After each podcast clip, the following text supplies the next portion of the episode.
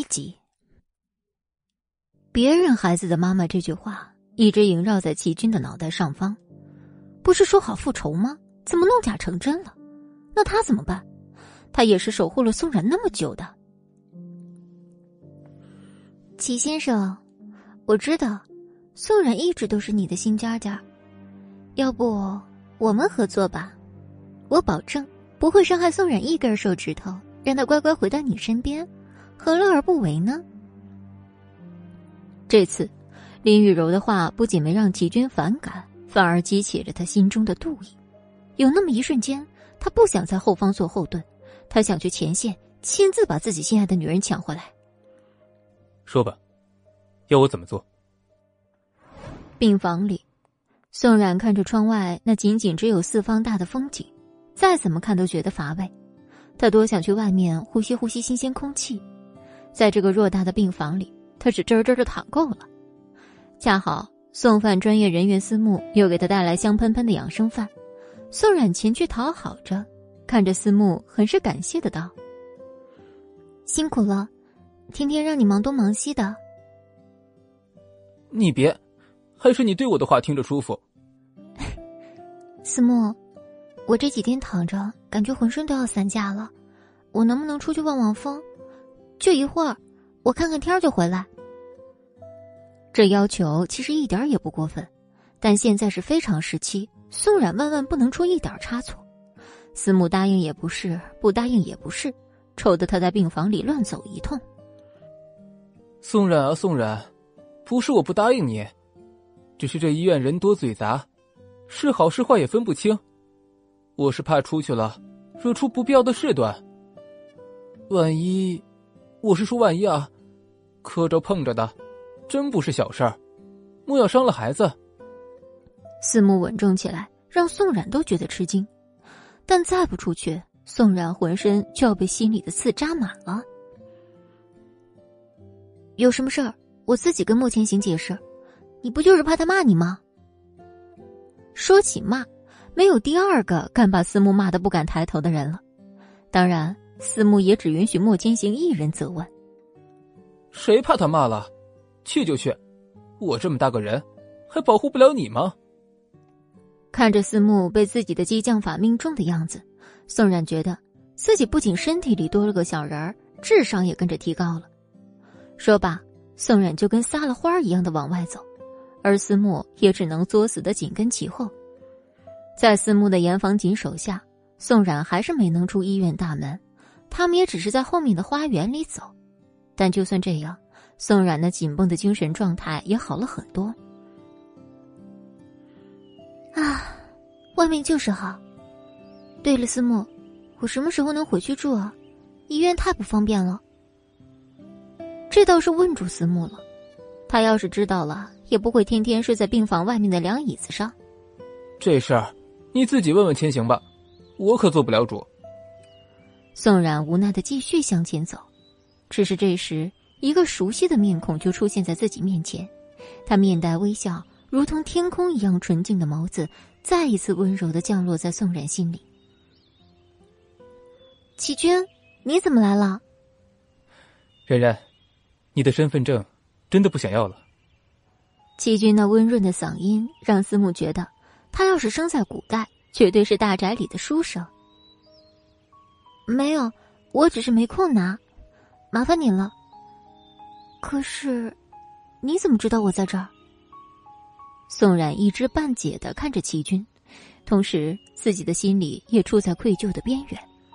齐军本该是自己最信任的人，却不能拥有自己最真实的话。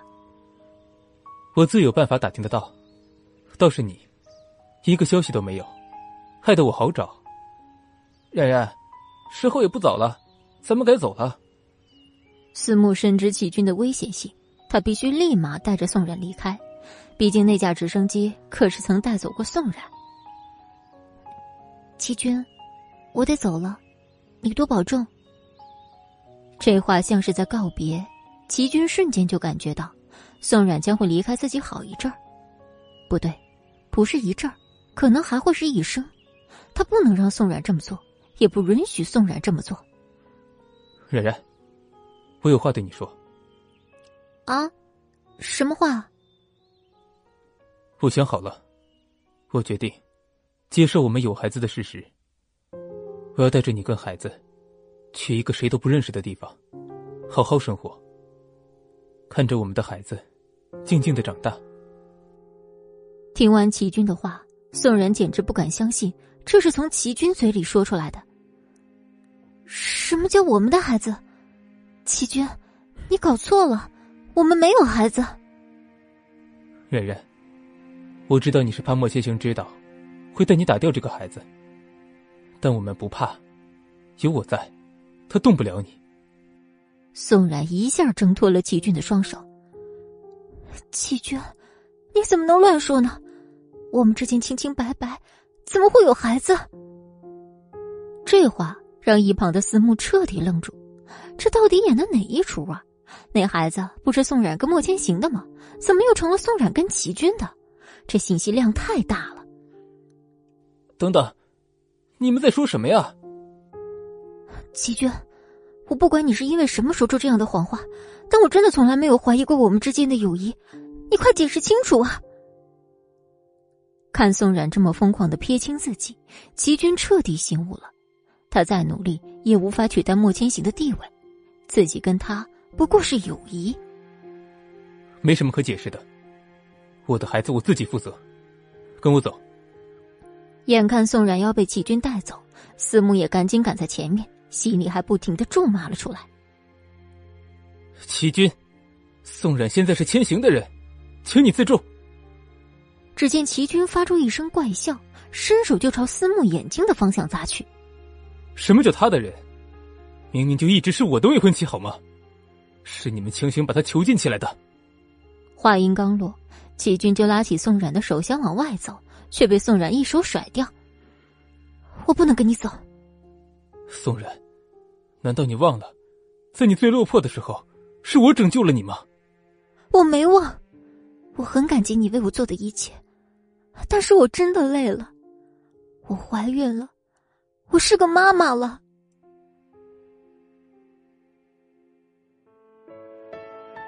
百零二集，说这话的时候，宋然只觉得自己浑身都在颤抖。对方不是别人，而是一直在背后默默支持自己的齐军。尽管有些良心不安，但是他也必须要这么说。当了妈妈，这四个字对齐军来说像刀割一样。他多希望那个孩子真的是自己跟宋冉的结晶，而眼下他也只有撒谎，才能让宋冉真正回到自己身边。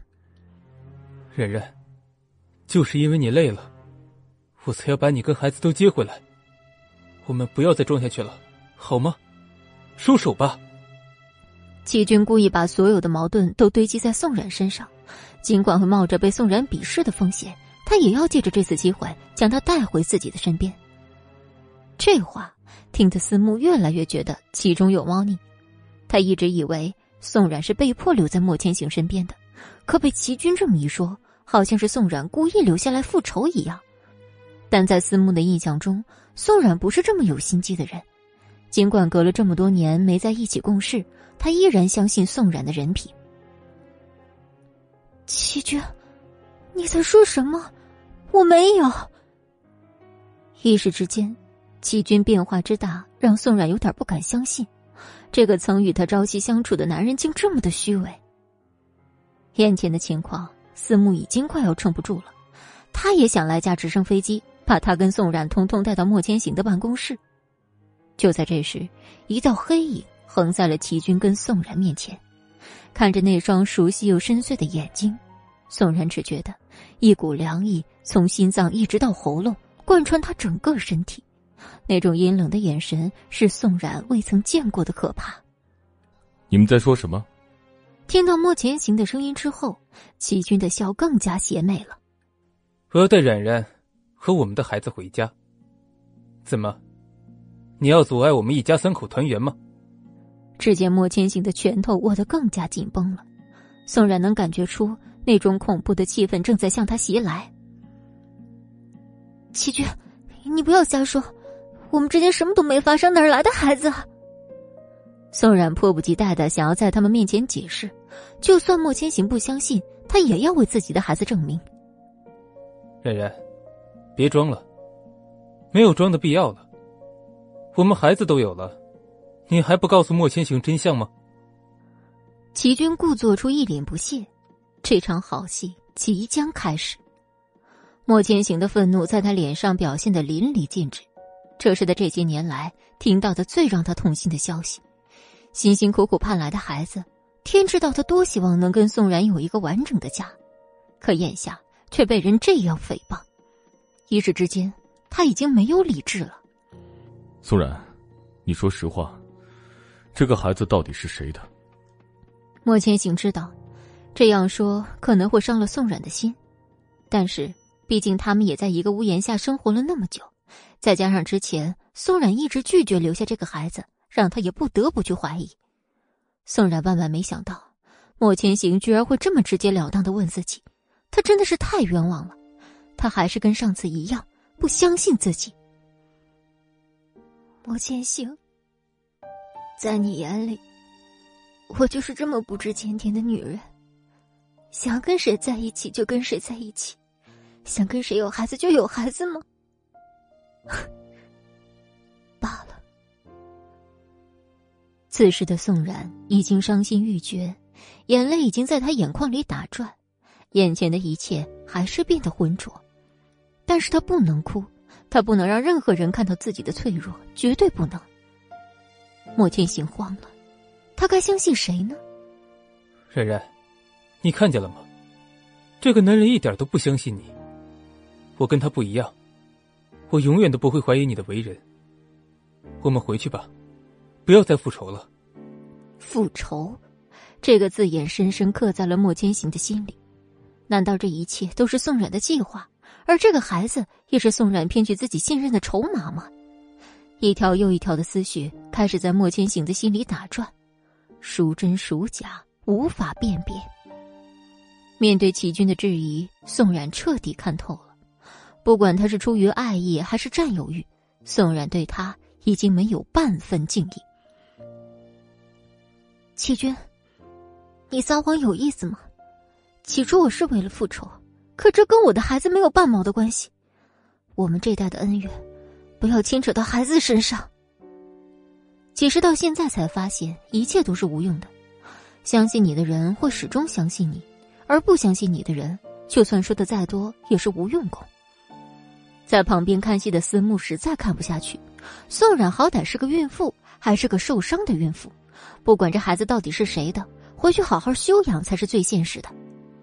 你们都不要吵了，宋冉该回去休息了，她还是个病人。说到这儿，莫天行才意识到宋冉受的伤还没好，半条胳膊还包扎着。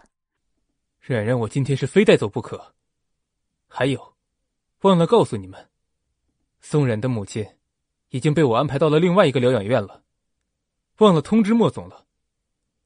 也别怪你的手下办事不力，谁让你给的钱没我给的多呢？你。此时的莫千行已经快被齐军气死，他头一次遇到这么难缠的对手，真的很难想象，对方是个有心脏病的人，还能在商场如此的心狠手辣。宋冉最在乎的就是自己的母亲，当他听到母亲现在在齐军那儿，整个人像是在空中游离。今天发生的一切。确定不是梦境吗？齐军，我母亲真在你那儿。莫千行默默的给负责看护宋冉母亲的人员打电话，具体说了什么，宋冉跟齐军都没听见。只见莫千行打完电话之后，直接将手机扔在地上，还没等齐军回答，宋冉看到莫千行的反应，已经猜到了事实。而齐军看到莫千行的抓狂的表情，心里就暗爽。总算扳倒他一次。哼，没想到吧，宋天行，你也有被我算计的一天。所以，不要碰我的女人，不然我会让你死得更难看。齐军说这话时，眼神从未有过的狠毒，这一面是宋冉从来没有见到的。究竟是什么，让一个人在短短几天转变这么大？宋冉觉得，一切都太不真实了。齐俊，你就不怕我找人来抓你吗？私自运走病人，你已经触犯了法律。司慕实在是看不得别人这么算计莫千行，上前说道：“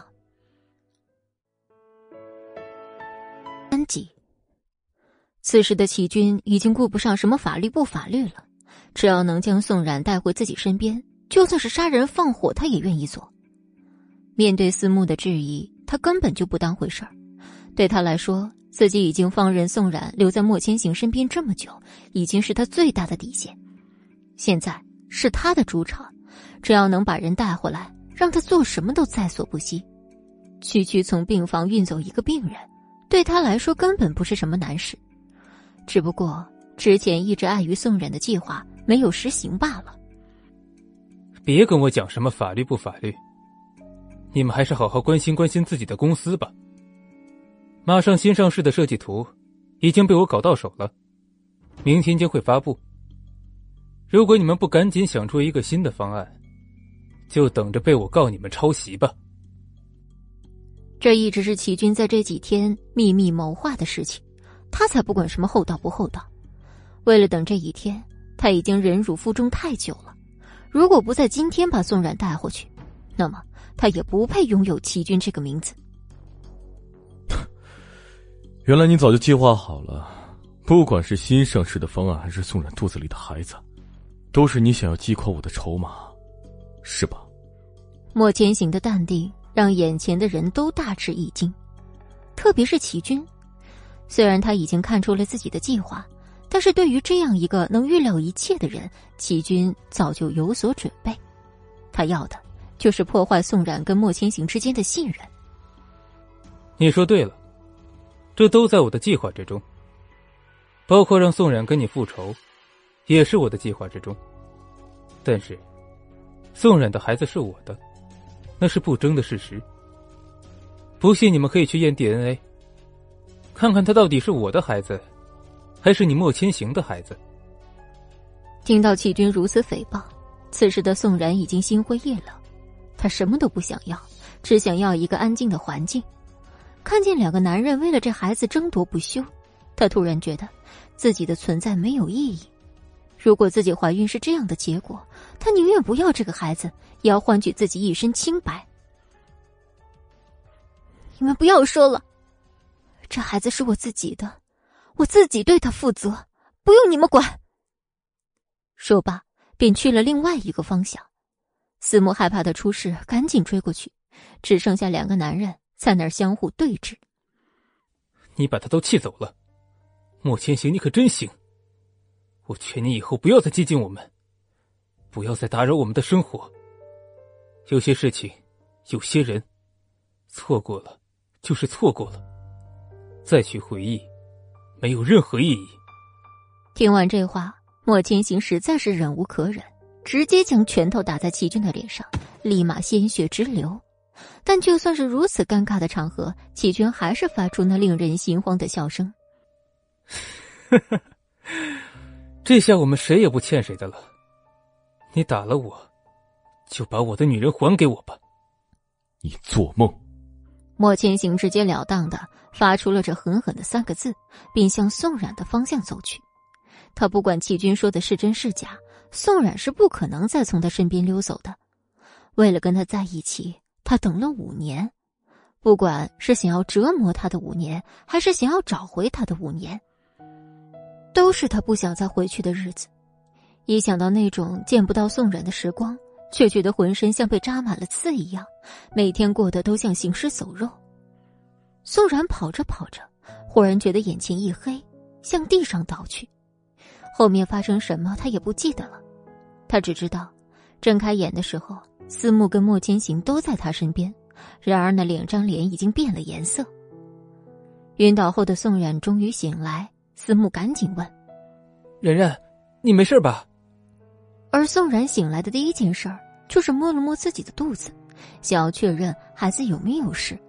莫千行便来了句：“孩子没事儿。”你真的一点都不相信我的话吗？莫千行没有说话，而是将手不停的在背后打转。要说相信，那是不可能的，但是在结果没有确认之前，他也不能断言那孩子就真的是自己的。此时，医生和护士听到宋然醒来之后，纷纷走进病房。莫先生，DNA 检测什么时候开始？我们已经准备好了。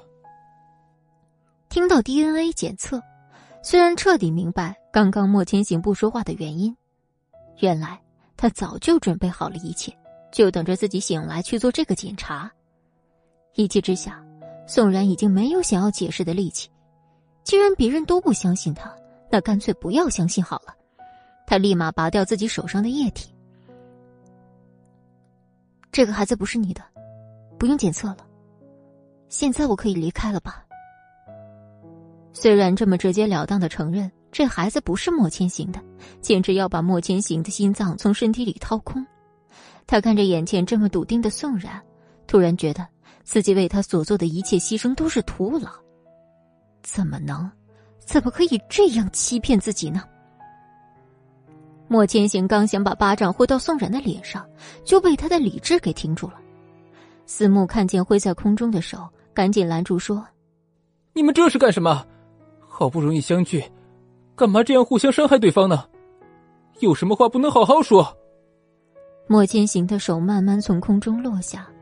而他的心也在一点一滴的流血，他有多爱宋然，却有多期待这个孩子。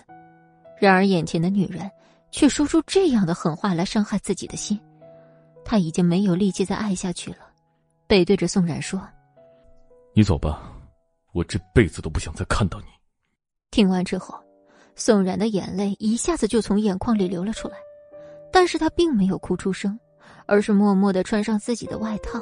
走了出去。他是一个很执拗的人，莫千行已经不相信自己一次了，他已经不想被人不相信了，那种感觉实在太难受了。与其这样，他还不如一个人生活。然然，你别走。思慕知道真相肯定不是这样的，但无论他再怎么劝宋然，也已经无力回天了。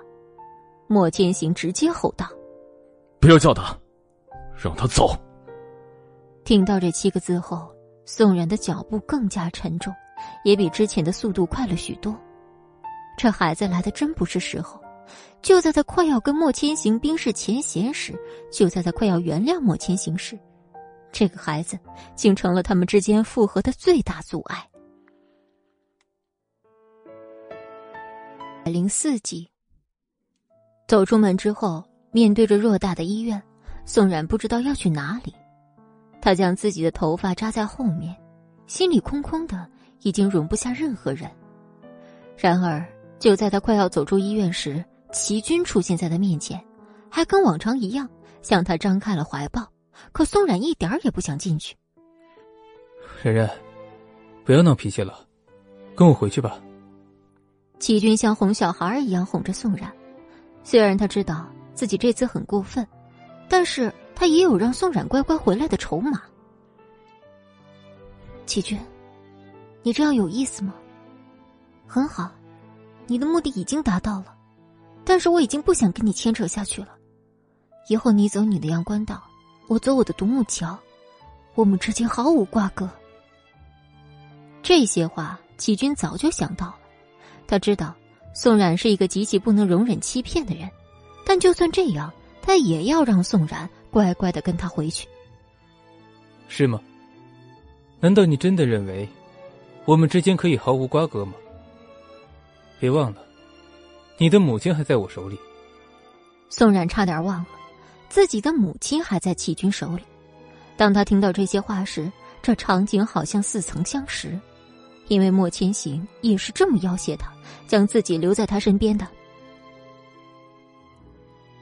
你到底怎么样才能放过我，才能放过我母亲？宋冉对着齐军大吼，他从未如此大声的跟齐军说过话，这是第一次，也是他最难忘的一次。做我的女人，跟我结婚，一切都好说。齐军很是淡定的说着，尽管对方的怒气已经大到快要把他淹没掉。宋冉是想走掉，但是他不能抛下自己的母亲。那是他在这个世上唯一的亲人，他也只能跟着齐军走了。只是在他坐上齐军车站的那一刻，他就已经发誓不会再信任齐军了，也不会跟他说任何废话。尽管在车上，齐军对他一直嘘寒问暖，拿了很多吃的跟保暖的东西，但是宋冉无动于衷，只是默默的看着窗外那流动的车子和行走的人群。到底从何时起，齐军竟变成了一个自己连认识都不认识的人，可怕的让人想逃离。到了齐军的别墅之后，宋冉第一件事就是询问母亲的下落。你放心，你的母亲我已经安置在疗养院了。只要你乖乖的在我身边，你的母亲就没有事。我也为她安排了最好的医生和看护人员，绝对比莫千行的那些歪瓜裂枣强。你最好说话算话。那是我的母亲，如果她在你手里出了任何问题。我就算死，也会到阴曹地府里跟你算账。听到“死”这个字眼，季军浑身不舒服。他早就是死过好几次的人了，小时候更是做了无数次的心脏病手术。他最怕的就是死。他活在这个世上已经很不容易了，还要被人这样诅咒着。不要说这么不吉利的话。你还怀着孕呢，对宝宝不好。季军还是尽量克制着自己的语气，不跟宋冉生气。虽然这孩子不是他的，但是他的身体也已经无法再去生养一个孩子，而且他这种病有很大的遗传功能，他也不想将自己这样不好的基因遗传到孩子身上，不如将错就错，就把宋冉肚子里的孩子当做自己的亲生骨肉吧。齐军，你到底是什么意思？你明明知道这孩子不是你的。难道你想养着别人的孩子过一生吗？这样有什么意思？我今天就直接把话跟你说清楚，我真的不喜欢你，我只把你当成我的好朋友。虽然现在已经不是了，但是我也希望你能放尊重一点。我跟你回来，只是想确认我母亲的安全，留在你身边，也只是想让我母亲受到最好的治疗。结婚，我们是不可能的。你有你的人生，你不应该把你的时间浪费在我一个不可能的人身上。这些话，其实宋冉已经想跟齐军说很久了，只是一直没有机会。他知道前些日子他一直想要获得自己的芳心，宋冉出于感动，并没有说这样的话伤害他。但是眼前，他觉得已经没有办法再让齐军误会下去。听到宋冉如此斩钉截铁的拒绝自己，齐军直接笑着说。怎么？你是害怕我会对你的孩子不好吗？这么不想跟我结婚？莫千行已经不要你了，你离开了我，你能去哪儿？还有谁会跟一个有孩子的人结婚？宋然，你知足吧。这些话就像是玻璃渣一样，一点一点扎进宋冉的心里。到底是什么？让那么温润无欲的齐军，竟变成了如此心狠手辣的人，就连说话的语气都像脱胎换骨一样。就在这时，齐军的父亲突然走了过来，狠狠扇了齐军一巴掌。谁给你的权利说这样的话？你疯了吗？祁连松一进来就如此大发雷霆，倒是连祁连松自己都吓了一跳。宋冉没想到齐叔叔对自己的孩子这么的严格。你打我干什么？我做错什么了吗？季军一脸无奈的看着他父亲，眼里全是不屑与愤恨。在他眼里，父亲就是一个花心大萝卜。如果不是他，他母亲也不会惨死。齐叔叔，你怎么来了？宋冉看气氛不对，赶紧插话。同时，他也很好奇，齐连松怎么会出现在这儿？毕竟这是齐军自己的别墅。冉冉，你好好在这里养伤，别管这个混账说什么。突然吃了瘪的齐军突然觉得自己不是亲生的，宋冉才是他的亲生孩子。齐军，你要是再敢对宋冉说出这种狠话，我让你吃不了兜着走。说罢，祁连松便松开，屋子里只剩下他们两人。突然安静的感觉让宋冉一脸懵，他有点搞不清楚这父子俩到底在弄什么名堂，究竟是在互相残杀，还是另有其谋？齐军将宋冉带到他的房间，自己便走了，还找了好几个人在门外守着，生怕宋冉再离开。就算身处一室，宋冉也始终觉得浑身不自在。大概是在莫千行家住久了，无论去哪儿都觉得没有那张床舒服。但这种想法很快就消失了。他一个连家都没有的人，到底在留恋什么？零五集，夜晚的黑纱一点一点侵袭宋冉的视线。宋冉将窗外的帘子拉上时，看见齐军一个人坐在院子里，不知道在想些什么。旁边的佣人给他拿来冰袋，被他一把扔在地上，连理都没理。宋冉也不想再管这种闲事儿，直接将帘子拉了回去。齐军变成今天这副模样，是他万万没有想到的。但是，就算有任何理由，他都不会再原谅齐军。只是，祁连松今天的到来，让他久久不能平静。说什么都要问个清楚。还好他一直都将祁连松给他的那部手机放在身上，也是以防万一别人发现。他将门死死锁上，拿出那个电话。当听到对方的声音是麒麟松时，这才肯放出自己的声音：“齐叔叔，你今天来是有什么目的吗？”“冉冉，没什么，我只是怕你被齐军欺负了才赶过去的。”你就在那里安心的住下吧，有我在啊，他不敢动你跟孩子的。孩子，你怎么知道我怀孕了？宋然很是惊讶，明明让莫千行封锁的消息，却这么快传到了祁连松的耳里，他甚至都开始怀疑莫千行到底有没有封锁自己怀孕的消息。你别管我是怎么知道的，你只需要安心养胎就是了。这期间我会派人给你送些补品。你可记得吃啊！祁连松如同父亲般的口吻，让宋冉一时之间无法消化。又不是他自己的亲孙子，他又何必这样亲力亲为？这让宋冉无法理解。叔叔，这个孩子并不是齐军的，你为何这么……无论发生什么样的事情，孩子都是无辜的。你父亲在世时跟我也是很好的朋友，我帮他照顾女儿的孩子，不也是理所当然的事情了？你就别多想了，好好养胎就是了。听到这儿，宋冉才彻底放宽了心，但是他也无法对祁连松完全放下心中芥蒂，毕竟有其父就有妻子。谢谢叔叔，那我先挂了。你早点休息。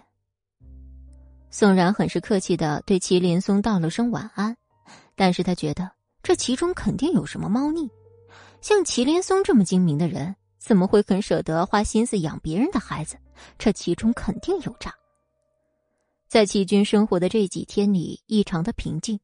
齐军每天都跟在宋然后面嘘寒问暖，尽管被泼了好几次冷水。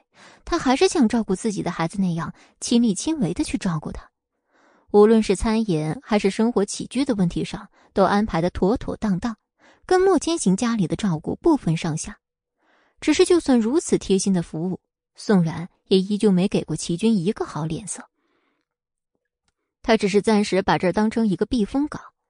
莫千行的话，他没有忘记，此生不再相见，没有比这更狠的分手了。林雨柔得知宋冉离开莫千行之后，心里早就坐不住了，恨不得立马跑到莫千行那儿投怀送抱，安慰一下他受伤的心灵。但是他知道，就算去也不能空手去。他知道目前莫千行最需要的是什么。莫氏集团，齐军果然说话算话，他早早将设计方案公布，大家已经默认为那是齐氏集团的设计稿。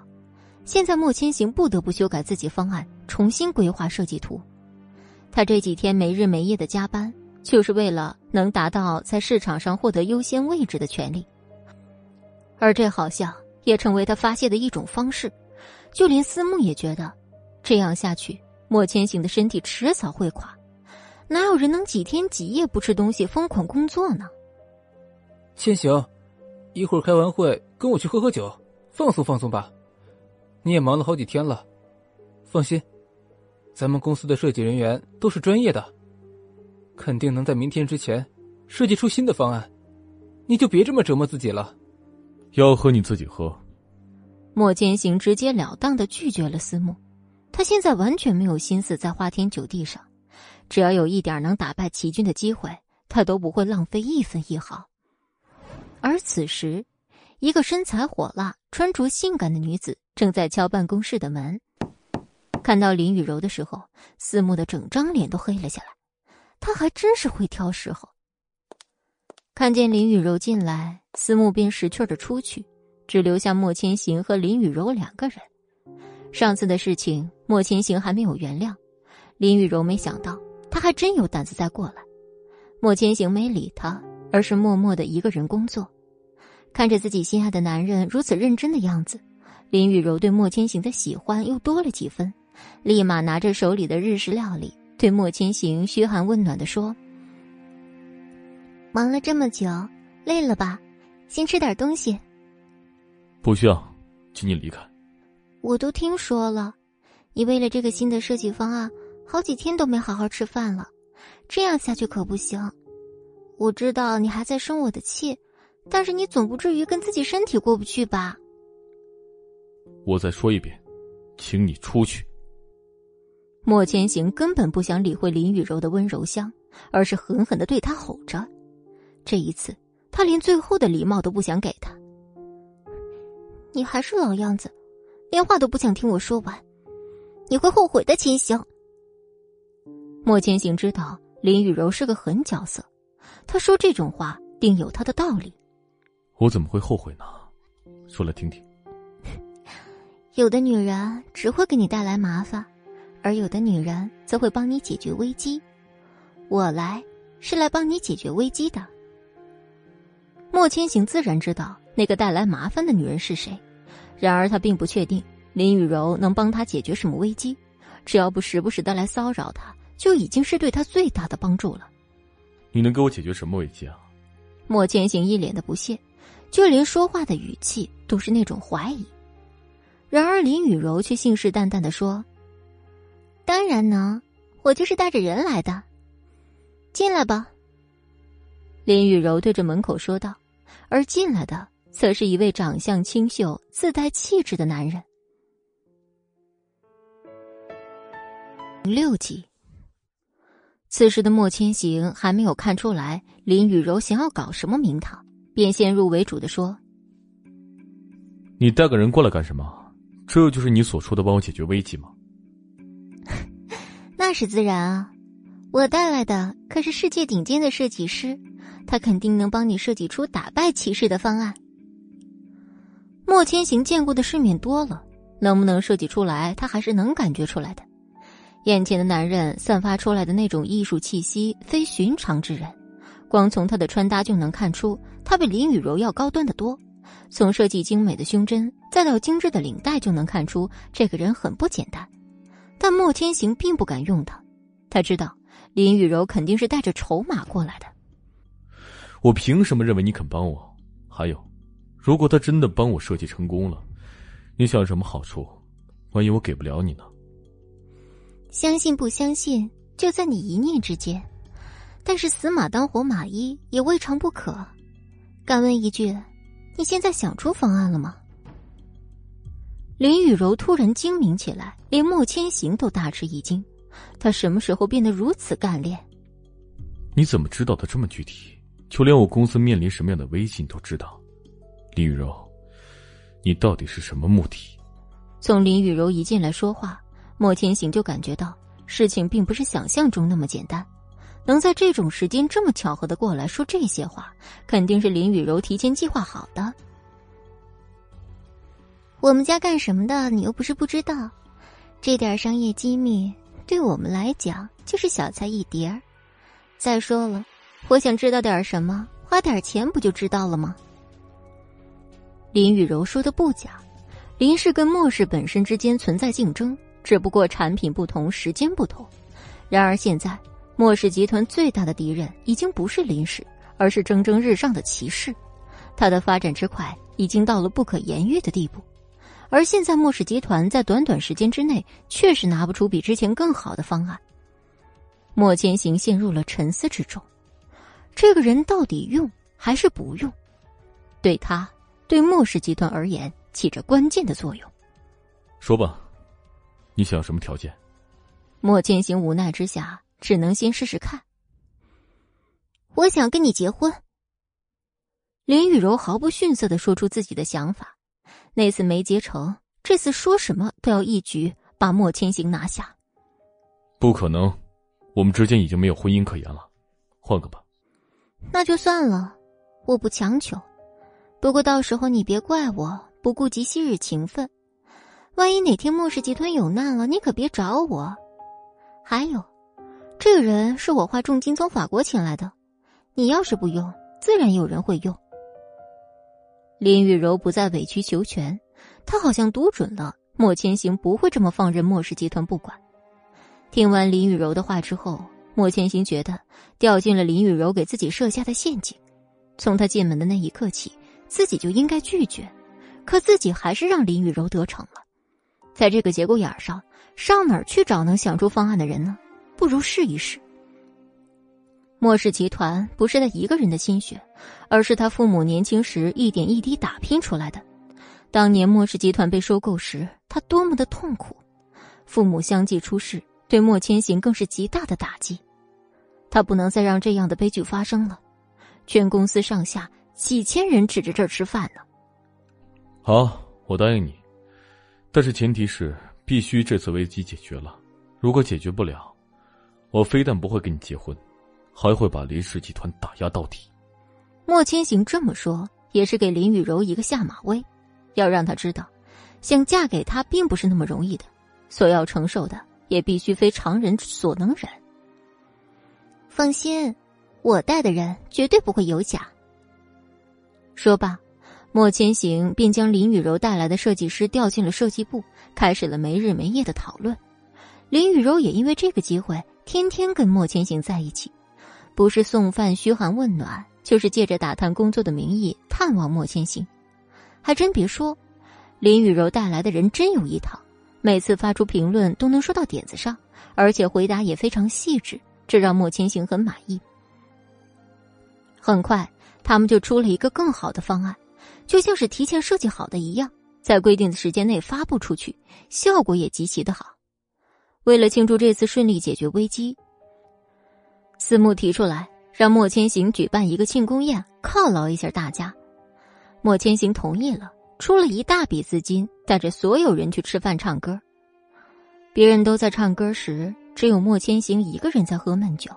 他已经很久没这样了，每喝一口，面前出现的人都是被他骂走的宋冉。他也不知道为何自己这么想他，可他越是不让自己去想，脑子里那个人就出现的越清晰。他只好一口又一口的喝酒，把自己灌醉，这样就不会再去想了。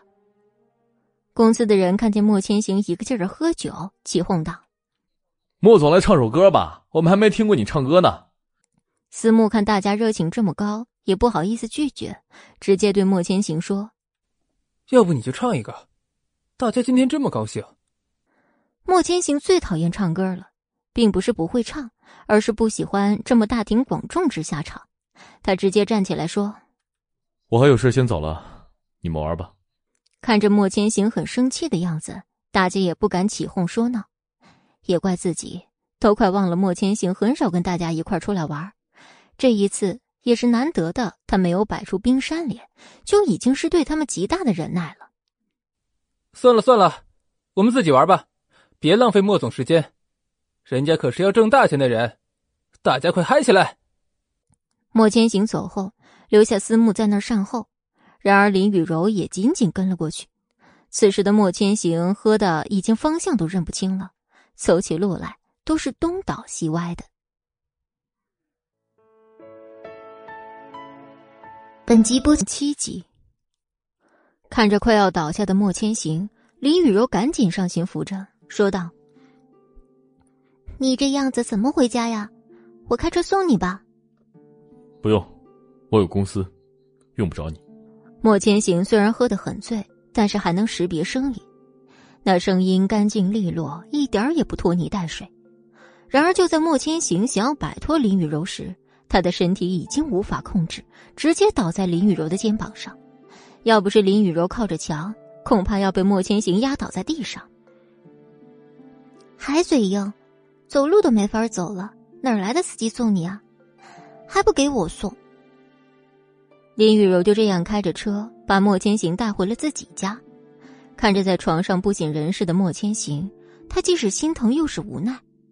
能喝成这样，想必也是不要命了。就在这时，莫千行嘴里不知道在嘟嘟囔囔什么，他好奇的凑上前听。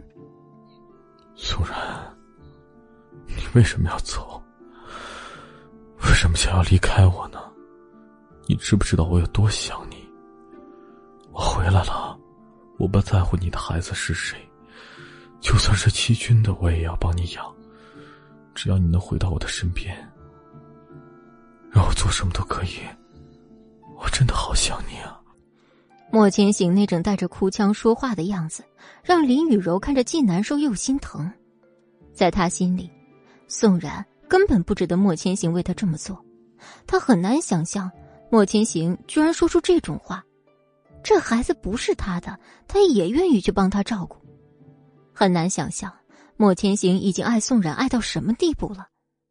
本来他想洗个澡，跟莫千行一起睡在床上，可是现在他却一点也不想跟这个男人同床共枕。在莫千行彻底忘掉宋冉之前，他是不会再碰莫千行一下。之前犯过的错，林雨柔绝对不会再犯第二次。这一个晚上，他都在研究怎么让莫千行重新爱上自己。虽然很难，但是他必须要趁这个机会赶紧上手，否则夜长梦多。他不想永远活在宋然的阴影之下。时间一分一秒的过去，莫千行醒来已经是凌晨四点。他慢慢从床上起来，看着旁边空无一人，还是这毫不熟悉的房间，越发好奇昨天到底发生了些什么。可是却怎么也想不起来。然而，就在他准备出门时，看见隔壁房间的门开了，里面躺着一个熟悉的女人，林雨柔。让他惊讶的是，这个女人没有在上演之前跟他同床共枕的戏码，而是一个人睡在另一个房间。看来她是真的转性了。就在这时，林雨柔好像能感应到莫千行要醒来似的，她慢慢的睁开眼。看着莫千行正看向自己，脸上发出暖暖的笑容，温柔的说道：“你终于醒了，昨天喝的可真是太醉了。”这是你家？是我家呀，不过是临时的。怎么，你想搬过来住啊？林雨柔调侃着莫千行，眼神不停的在莫千行身上打转，那种撩人的眼神是莫千行最烦他的地方。还没等他说完，便关门先走了。凌晨四点的风格外的冷，这也是莫千行难得一次这么晚在外游荡。他没有立刻打车回家，而是选择自己步行走一会儿。在这段时间里，他思考了许多。虽然不记得晚上发生了些什么，说了些什么，但内心的孤独油然而生，好像家也不那么想回了。一大清早，季军就准备了营养早饭，等着宋冉下楼吃饭。为了哄她开心，还特地冒着早上的寒风去外面买了小笼包，蟹黄味的，那香喷喷的气味，宋冉一下楼就闻到了。然而餐桌对面坐的人让他胃口全无，再好吃的食物也没有味道。看着宋冉一脸不开心，齐军立马逗趣儿说：“怎么？”想我想的连话也不想说了，你想多了。宋冉没搭理齐军，而是默默的将他准备的饭一口一口吃下，只因他现在不是一个人。为了让孩子补充足够的营养，他必须逼着自己去吃一些不想吃的东西。虽然齐军准备的很丰盛，但是如果对方不是那个想一起吃饭的人，就连食物也会跟着不香。要不要这么冷漠？我好歹也是为你张罗了一早上的人，就算我之前做的不对，说的话过分了。可是，一切的一切，我都是想要跟你在一起，过我们想要的生活。齐军终于忍耐不住了，他已经一个星期没有好好跟宋冉说话了。是你想要的生活，不是我想要的生活，请你搞清楚。那你想要的是什么生活？想要的是跟莫千行在一起，你们好好生活是吗？那我怎么办？你有没有想过，我以后该怎么办吗？齐军的话让宋然很是触动。对啊，一开始他就在利用齐军的势力跟金钱帮他复仇，可他却从来没想过齐军以后的生活该怎么办。但是又觉得，那毕竟是齐军自己的事儿，他也没想到齐军会假戏真做，真的喜欢上自己。要说错，那他一开始就错了。对不起，是我没有考虑到你的感受。但是也请你不要道德绑架我。看着宋冉那黯然失色的脸跟眼神，齐军突然心疼了。他知道宋冉不是那种忘恩负义的人，但是自己又无法控制自己的情绪。一想到他为了莫千行，连自己都不想兼顾了，觉得之前所做的一切都白做了。快吃饭吧，再怎么样也不能饿了孩子。齐军说完这话就走了。他知道，现在的宋冉肯定不想看到自己。看着那一大桌子菜和默默离开的齐军，宋冉也开始反思，自己的冷漠到底是对还是错。齐军虽然说是一个可以托付终身的人，但是他并不是自己喜欢的类型。外面的风呼呼刮着，好像时时刻刻都在提醒宋冉，秋天就要到了，这是他最讨厌的季节。也是最无奈的季节，因为每每到这时，他就会想起当年家里破产、母亲生病那种无奈痛苦的日子。百零八集，莫千行回到公司以后，又开始了没日没夜的工作，仿佛只有这样才能让他忘记感情上的痛苦。新的设计图市长反应特别好。莫千行一直以来紧绷的心总算是轻松下来，但就算是产品已经上市，他们还是马不停蹄的开始了新一轮的设计。经过这次的事件，莫千行绝不允许自己再被骑士集团突击一脚。莫千行的办公室里永远没有人，他一直都在生产的最前线，以至于因为熬夜。加上长期在外面的缘故，整个人看起来多了几分沧桑，但那股子英气是怎么也摆脱不掉的。莫总，这是我们下一次的预告图，您先过目一下，看有没有什么需要改进的地方。正在询问意见的是林雨柔从法国重金请来的设计师，也是因为他及时的设计稿，才让莫氏这次脱离了危机。眼前的男人眉清目秀。一顶鸭舌帽虽然遮盖了他的帅气，但那立体的五官还是让很多公司的小姐姐成天的痴迷。公司里的人一般分为两派，一派是莫千行的死忠粉，另一派已经被这位新来的南风给迷住了。还需要再改一下细节，我们做的是最高端的，也是最独一无二的产品。好的。等等，你叫什么名字？莫千行这才想起。还没有问过这大功臣的名字。南风，之前一直在法国待着吗？十岁的时候过去的。法国是艺术气息最浓厚的一座城市，怪不得这个人一上来设计的稿子就这么与众不同。但其实莫千行好奇的并不是他的背景。你跟林雨柔是怎么认识的？虽然这次的危机算得上林雨柔两肋插刀，但莫千行还不能够完全信任他。当然是他花钱请我来的。没事了，你去工作吧。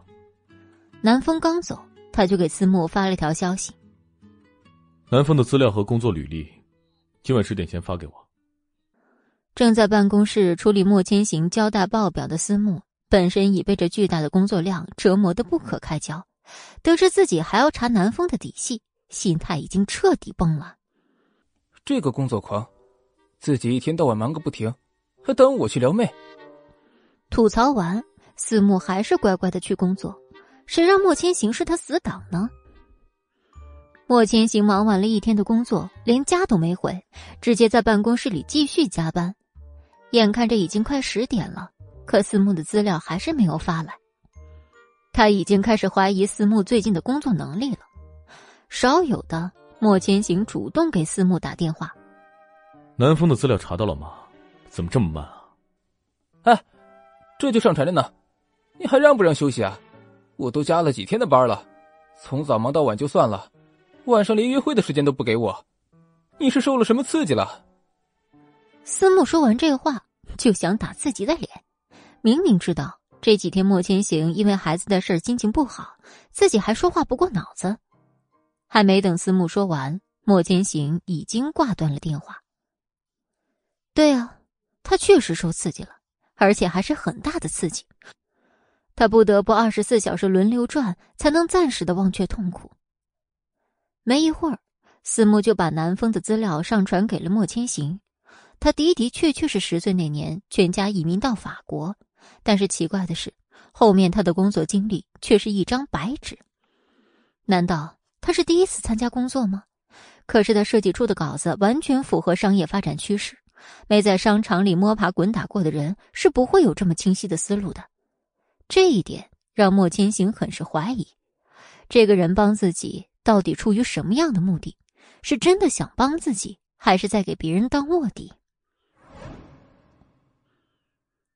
凌晨一点，宋冉独自躺在床上，一直没有睡着。他想到白天的事儿，就觉得自己跟齐军现在的关系真的很尴尬。每天光见面说话就觉得呼吸困难，特别是有了孩子，宋冉觉得自己整个人变得神经兮兮的。他甚至怀疑。齐军把自己留在身边，就是想找机会打掉自己的孩子。虽然齐军无数次说过要帮他照顾自己的孩子，不会在意他的真实身份，但这种话，宋冉从来不会信。越是这种焦虑的状态，宋冉就越是想逃离。但是这个像鸟笼一般的地方，每一个地方都装有摄像头，他走的地方稍微多点就会有人上前询问他的情况，就好像他的身上装了监视器一样。二十四小时观察他的行踪，在这种环境中，宋然已经快憋得喘不过气来了。而就在这时，一个满身酒气的男人推门而入。恰巧今天宋冉忘了锁门，当他看到对方是齐军时，着实吓了一跳。他的病是万万不允许喝酒的，可他这样倒像是喝了不少。齐军，这么晚了，你来干什么？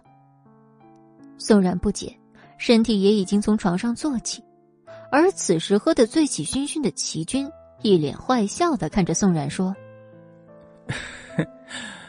我想喝酒，我都很久都没有喝过酒了。”看他那说话幼稚的样子，宋冉就猜到这一定是喝醉了，光是那气味就已经让宋冉想要换个房间睡觉。你怎么能喝酒呢？你忘了自己有心脏病了？你这样是在拿自己的健康开玩笑，你知道吗？宋冉虽然现在很恨齐军，但还不到恨到他想死的地步。他依然记得当年齐军救他于水深火热的事儿。听到宋冉还在关心自己，齐军立马就酥了，看着宋冉说：“你还知道关心我的死活，算你有良心。”知不知道我为什么想喝酒？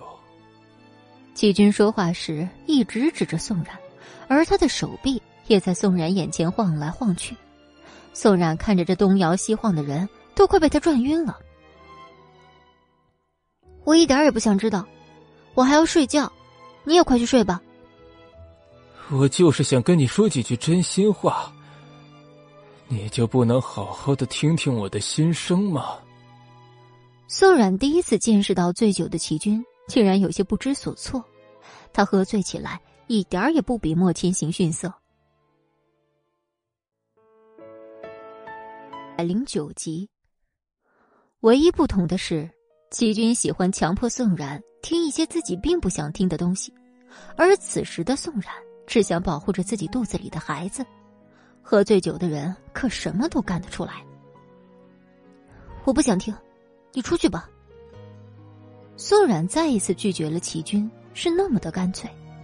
然而齐军并没有离开，而是一把将宋冉压在自己身下，满腔的热血冲到嗓子眼儿，直接将他的吻硬塞给了宋冉。被禁锢着的宋冉只能呜呜呜的乱喊，却怎么也不能从他身上挣脱出来。直到齐军发泄完自己的愤恨，这才将宋冉松开。宋冉，你是不是就喜欢这样啊？我以前对你那么的宽容的时候，你看不见我。现在呢，尝到我是什么滋味了吧？齐军，你混蛋！被强吻的宋冉只想对齐军说这几个字。他已经不是那个风度翩翩的齐军了。宋冉更是一气之下给了齐军一巴掌。这一巴掌算是把宋冉对齐军所有的耐心给磨灭了。宋然，你以为这样我就会放你走吗？你想多了，我们注定要纠缠在一起。知道我为什么喝酒吗？因为你压根就不相信我。你一直在找机会逃出去是吧？别以为我不在家，就看不到你的一举一动。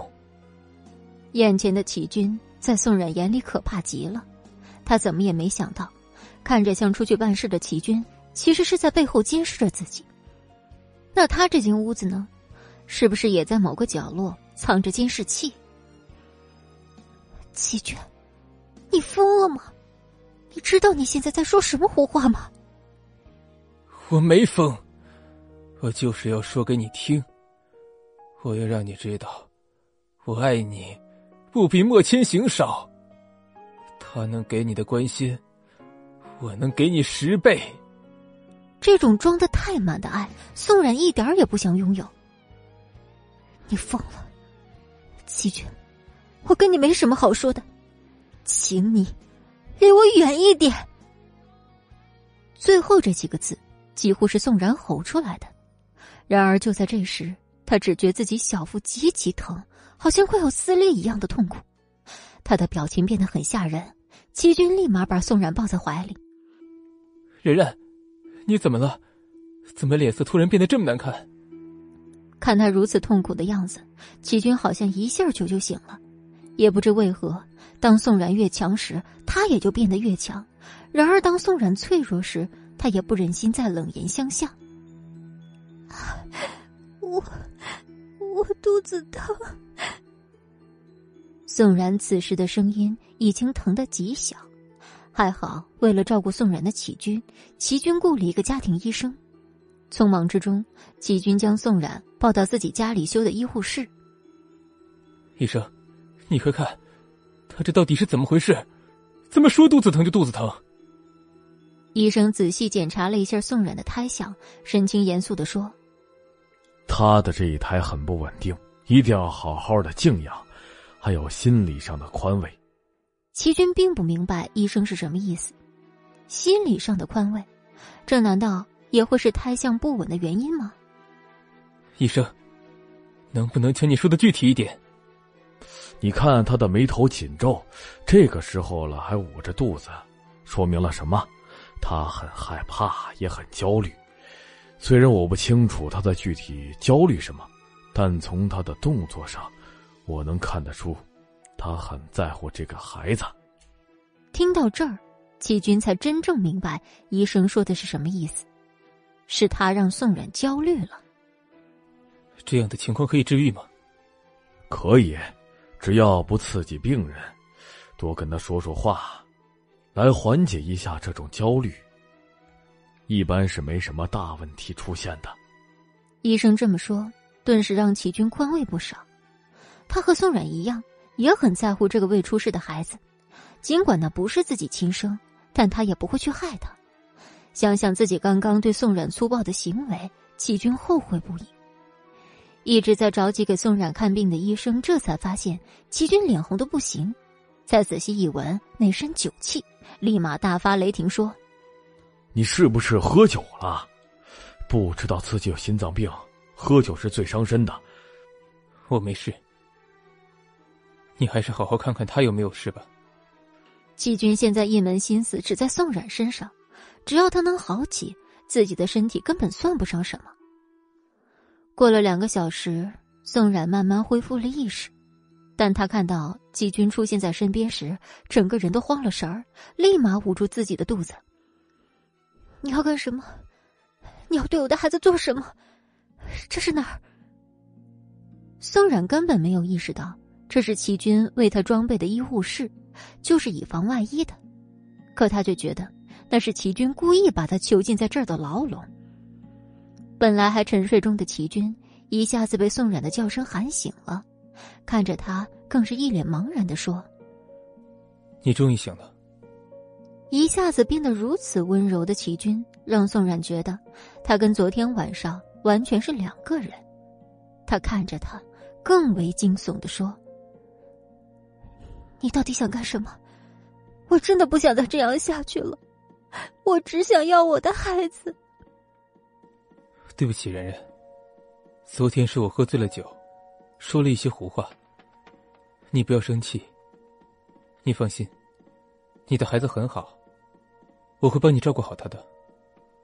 尽管齐军说的很诚心实意。但那颗已经被揉碎了的心很难重新粘合，也早在前几天到此为止了。你说实话，我的孩子到底怎么了？为什么我腹痛会这么严重？你为什么不把我送到正规的医院，却让我在这儿待着？宋然始终不相信齐军，就算他为自己在家盖了一座医院，宋人也丝毫不想去那儿看病。只想去公立的妇产科看一看到底怎么样了。医生听到他们的吵闹声，也从办公室走进了病房。宋小姐，你的孩子没有大碍，只是这段时间你需要保持心情愉悦，不要老是这么想，这样子会影响胎儿发育的。自己想多了，也会影响到孩子吗？是的，所以没有什么天大的难事儿。就一定要开开心心的。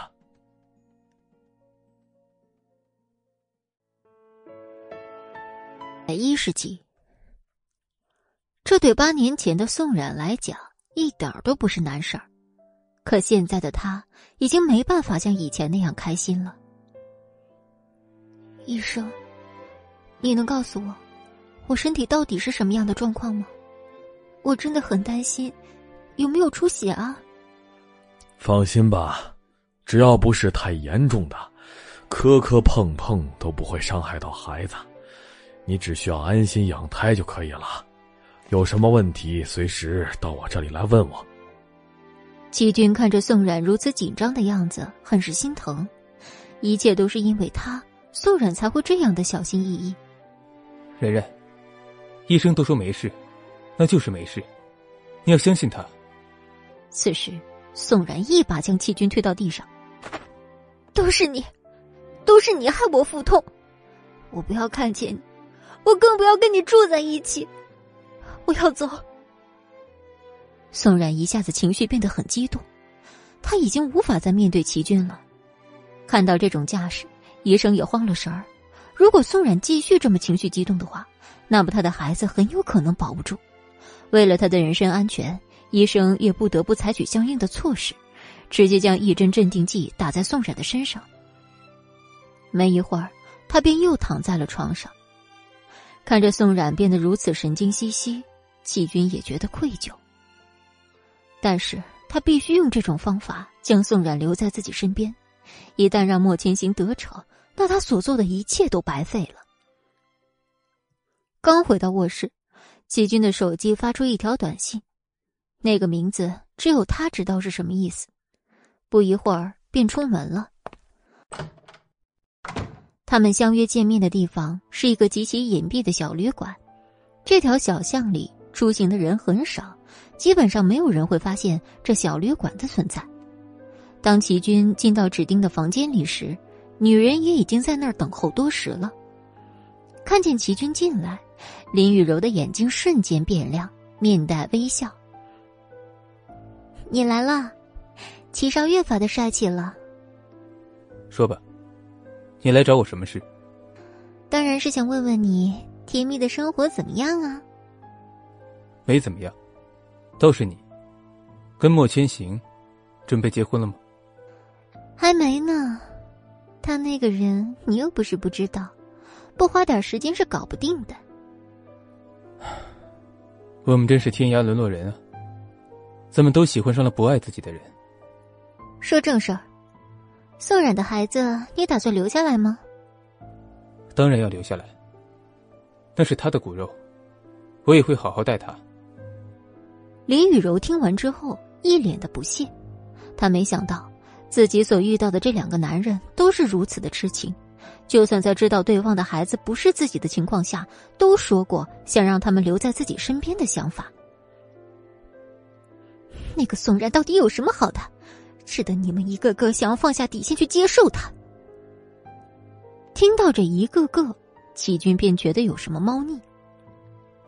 你说这话是什么意思？难道莫千行知道了点什么？有一天晚上，他喝醉酒跟我说，他很想宋然。就算那孩子不是他的，他也想留在身边。你说这样的男人，我还能怎么办？听到这时，季军觉得他跟林雨柔的计划都遇到了瓶颈。没有想到，表面上容不下一粒沙子的莫千行，居然会为了宋冉放弃自己的原则。但是到现在，也没有见莫千行来找过宋冉，也就说明他心里无比挣扎。那又怎么样？宋冉现在在我身边，莫千行要是接受了宋冉的孩子，肯定会被世人唾弃戴绿帽子。他那么爱面子的人，怎么可能会让自己背上这样的黑锅？不怕一万就怕万一啊！我现在一点都不敢保证未来会发生什么，有谁知道呢？当下我们能做的就是防患于未然。怎么个防患于未然法？当齐军答应跟林雨柔同流合污时，自己就已经变了，变得连他自己都不知道。但是这些年的等待已经磨损了他所有的耐心。找机会把宋冉的孩子拿掉吧，他留着对你对我都不好。林雨柔直接将这话说给齐军。其实他早就算到，齐军是个心软的人，对于宋冉，他更是狠不下心。必须需要自己这个强心剂给他来一针，他才能真正的放下。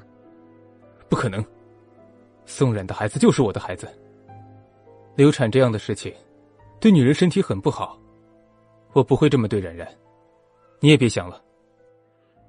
你现在这么想，可十年呢？二十年呢？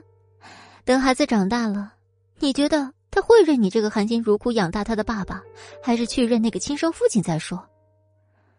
宋冉从一开始也没把你当成过恋人，你又何必上赶着去养别人的孩子？可是，可是什么？你觉得自己在宋冉心里什么分量啊？还有，如果这孩子存在，你觉得你跟宋冉的感情能升华吗？做梦吧！他只会是你跟我之间痛苦的枷锁，这样我们四个人都得不到幸福，何必呢？还不如早点散场除根。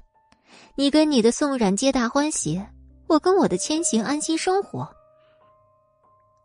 听完林雨柔的话，齐军只觉得浑身隐隐作痛，有那么一瞬间，他真的犹豫了，就是犹豫的那一刻，让他无比痛心。难道真的要这样吗？孩子是无辜的，我的身体也没有办法再去生养一个孩子了。我是真想把他的孩子。当做自己的孩子去照顾的，可是宋冉连机会都不给我，他甚至怀疑我，我会害他的孩子。哎呦，你怎么这么天真啊？要是我，我也会怀疑你会害他，不是自己的亲生孩子，又怎么会视如己出呢？这个道理你不会不知道吧？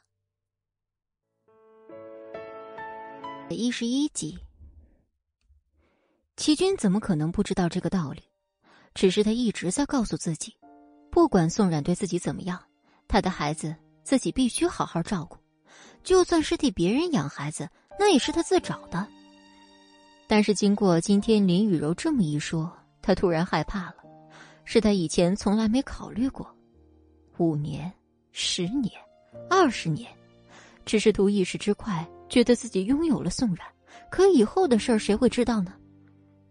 你说的话我自然明白，但是要让我伤害他的孩子，我做不到。齐军还是没办法突破那道防线，他始终知道孩子是无辜的。你这时候倒是挺伟大，我看等宋冉带孩子去了莫千行那儿，你还善良不善良的起来？林雨柔的话仿佛一针见血，直接刺到了齐军的内心深处。这是他最害怕的事儿。他所做的一切都是为了让宋冉留在他身边。如果宋冉毫不留情离开自己，那么他所做的一切就终将成为一场笑话。此时，连空气都凝固住了，而齐军的脑子里一直闪现着那个画面：他们一家三口聚在一起，和乐融融。而他却成了一个孤寡老人，无人问津。林雨柔看齐军一直不说话，内心更为忐忑。他早就猜到齐军是这种优柔寡断的人，但凡是伤害宋冉的事儿，他都不敢做，甚至不愿意去做。所以，对林雨柔来说，让齐军帮着除掉那孩子是一件极其困难的事情。但就算如此，林雨柔也要为此一搏，因为。这是他能留住莫千行唯一的机会。齐军，你想什么呢？我告诉你啊，你再多犹豫一秒，那宋冉就会少爱你一分。我们都是爱情中的失败者，难道我们要一直失败下去吗？听完林雨柔的话，齐军的内心一阵波动。一个天使。和一个魔鬼在不停的跟他说话，然而他却不知道该听谁的。他静静在那个房间里待了许久，最后说了一句：“说吧，你想用什么方式除掉那个孩子？”看着齐军终于妥协的样子，林雨柔只想狂笑，但还是抑制住了。果然，齐军最终还是妥协了。齐军啊，齐军，你总算开窍了。拿掉孩子的方式有很多种，但宋冉是个大麻烦，他肯定会猜到你会对他孩子下手，所以我们一定要在神不知鬼不觉下让这个孩子自己流掉。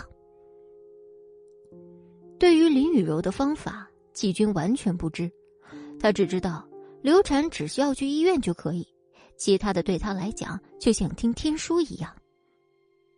你到底想怎么办？我先把丑话说在前头，拿掉宋冉的孩子可以，但是不能让他的身体出现任何一点问题。这是他第一个孩子，无论是流产还是落下病根，对于宋冉来说都是极大的伤害。我不允许你这么拿他的生命开玩笑。季军发自肺腑的担心，让林雨柔有些感动。天下怎么会有这么细心的男人？可惜却不是因为自己，而是因为那个自己最讨厌的女人。都这个时候了，你还为他着想，没想到你还真是个痴情种。你放心，我想的办法绝对是对人身体伤害最小的。我也没那么恨宋冉了，只要他离莫千行远远的，我跟他老死不相往来。到底是什么？你先告诉我，我已经找人配好了一种慢性毒药。刚开始呢，他并不会发现任何异常，只要使用超过一个月，孩子自然而然就会死在肚子里，到时候直接去医院拿掉就行了。毒药，林雨柔，你可真行！他吃了，真的不会对人的身体有害吗？季军很担心，毕竟是药三分毒，这道理他从小就懂。就像他一样，因为心脏病，从小吃了各种各样的药，他的身体也因为这种药像是上瘾一样，不吃的话浑身就没有力气，只能依靠维他命度日。他只对孩子有害，不会对身体有害，而且是一种发现不了的毒药，医生只会诊断为胎死腹中，并不会纠查其他原因的。我已经找人试验过了，你可以放一百个心。说罢。林雨柔便将一小瓶毒药放在齐军的手上，里面一共是一百粒。为了以防万一，林雨柔还掏出一瓶香薰。这是辅助的香薰，你可以放在宋冉屋里，就说安胎养神的，他自然不会发现。那万一有人查到，这个香薰是有关流产的东西呢？你怎么解释？齐军已经开始为最坏的结果做打算了。看着齐军如此小心翼翼，林雨柔觉得，他一个男人的胆子还没有他一个女人大。这个香薰如果单独被查到，是不会有任何嫌疑存在的，因为它本身就是一个安神的东西，只不过跟那毒药加在一起才会有加剧的作用，明白了吗？听完林雨柔天衣无缝的计划之后，齐军简直像是进了另一个世界。都说最毒妇人心，他今天是见识到了。这种毒药是颗粒状，但是轻轻一捏就会变成粉末状，可以放入任何的水中、饭中，不带任何的颜色、气味，可以说是神不知鬼不觉。林雨柔说罢，齐军便一个人回到了公司。他静静的看着那瓶毒药和那瓶香薰，静置了很久。没有人能理解他此时的忐忑，更没有人能够像他这般无助。被关在笼子里的宋然，就如同小鸟失去翅膀一样，只能在这豪华的房间里面看书走动。唯一能说话的，也就是王妈了吧？但王妈毕竟年纪大，跟宋然有一定的代沟，两个人除了讨论吃的。好像也没有别的话题了。宋冉也比较喜欢看电影，但是每当跟王妈讨论某部电影时，王妈也只能听着，给不了任何鉴赏性的意见。宋冉觉得自己的生活简直无聊透了，但这种生活非但没有停止，还在日复一日的继续着。一十二集，天气渐渐变得冷了起来。然而，因为怀孕的缘故，再加上这几天齐军像是喂猪一样给宋冉狂塞补品，不过才两个月的宋冉足足胖了十斤，以前的冬装已经完全穿不上了。宋冉只能靠着那么一两件宽松的衣服度日，就连王妈都看不下去了。那单薄的衣服已经不能再支撑起已经开始变冷的秋天。他看着身形单薄的宋冉，关心的说：“宋小姐。”怎么就一直这两件衣服啊？天气已经变冷了，你得多穿点儿，孕妇不能着凉。没办法，以前的衣服都已经小了，我也没买新衣服，就这样将就穿吧。这个问题早在宋冉刚住进来时就已经发现，但是他已经发誓不能再跟齐军说其他的废话，所以这种小事自己也就忍忍过去了。可是没想到。肚子一天天在变大，它的尺寸也已经从最小的 S 变成了 L。要不是王妈细心，都还没人发现宋冉的衣服不够穿。就在宋冉说话时，齐军刚好从外面回来，刚刚好听到宋冉缺衣服这件事儿，他都没发现，现在宋冉穿的竟如此单薄，还是刚开始来自己家里时他那几件衣服。同时，他也开始埋怨自己，为什么没早点发现。如果不是王妈今天突然提起这件事儿，他真的一点发觉都没有。他立刻走到宋冉面前，着实吓了宋冉一跳。平时这个时候，齐军是不会回来的，没想到这人竟突然蹦到自己面前，拉起自己的手就往外走。啊！你要干什么？你要带我去哪儿？齐军没有说话，而是直接将宋冉拉到车上，疾驰而去。等车开到公路上，季军才开始说话：“你没有衣服，为什么不早点告诉我？现在是什么天，你又不是不知道。虽然家里不冷，但是你也得有换洗的衣服吧？”宋冉万万没有想到齐军会对他说这些，他还以为经历过上次那件事儿，齐军已经不想再搭理自己了。我的衣服还够穿，平时又不出去。有那么两三套就够了。齐军立马拽着宋冉的胳膊。这么薄的衣服，你还说够了？我们家又不是买不起，不缺你这几件衣服。宋冉被齐军说的无地自容，可他就是死要面子活受罪。就算没有衣服穿，他也不想再要求齐军为他做任何事，只要他不对他的孩子下手，那就是对他最大的恩惠。我不要什么衣服，我要自由，只要你肯放我走。宋冉毫不顾忌的说了这句话，只听见一声巨响，差点跟前面那辆车撞上，还好他反应比较快，及时踩住了刹车。就在齐军刹车的一瞬间，宋冉觉得自己的心脏骤停了下，真的就差一点点，他们就要出车祸了。齐军，你是不是疯了？开个车都能撞上，你为什么要带我出去？你是不要命了吗？你还好意思说我，宋冉，我到底哪点对你不好？在我家里，有人虐待过你吗？还是有人不给你饭吃？还是不让你出去散步？不都是按着你来吗？只不过不让你出门而已，你就说我不给你自由了？我问你，就算你现在出去了，你以为宋千行会把你带走吗？你不照样还是无处可去吗？对，你就是对我不好，你限制我了的自由，你这是对我最大的不尊重。宋冉的眼睛瞪得特别大，此时的齐军就像心里吃了苍蝇一样，被自己最心爱的人这样数落，更加剧了他想要除掉那个孩子的心。但眼下最重要的还是给宋冉置办几件宽松的衣裳，好让他舒心的度过这几个月。看在你是个孕妇的份上，我不跟你计较。但是想要从我身边逃走，那是不可能的。别忘了，你母亲还在我手里。别怪我心狠手辣。如果你敢离开我，你的母亲，你也别想再见了。齐军的口吻跟当时的莫千行一模一样，宋冉的心里也像刮了十级大风一样痛苦。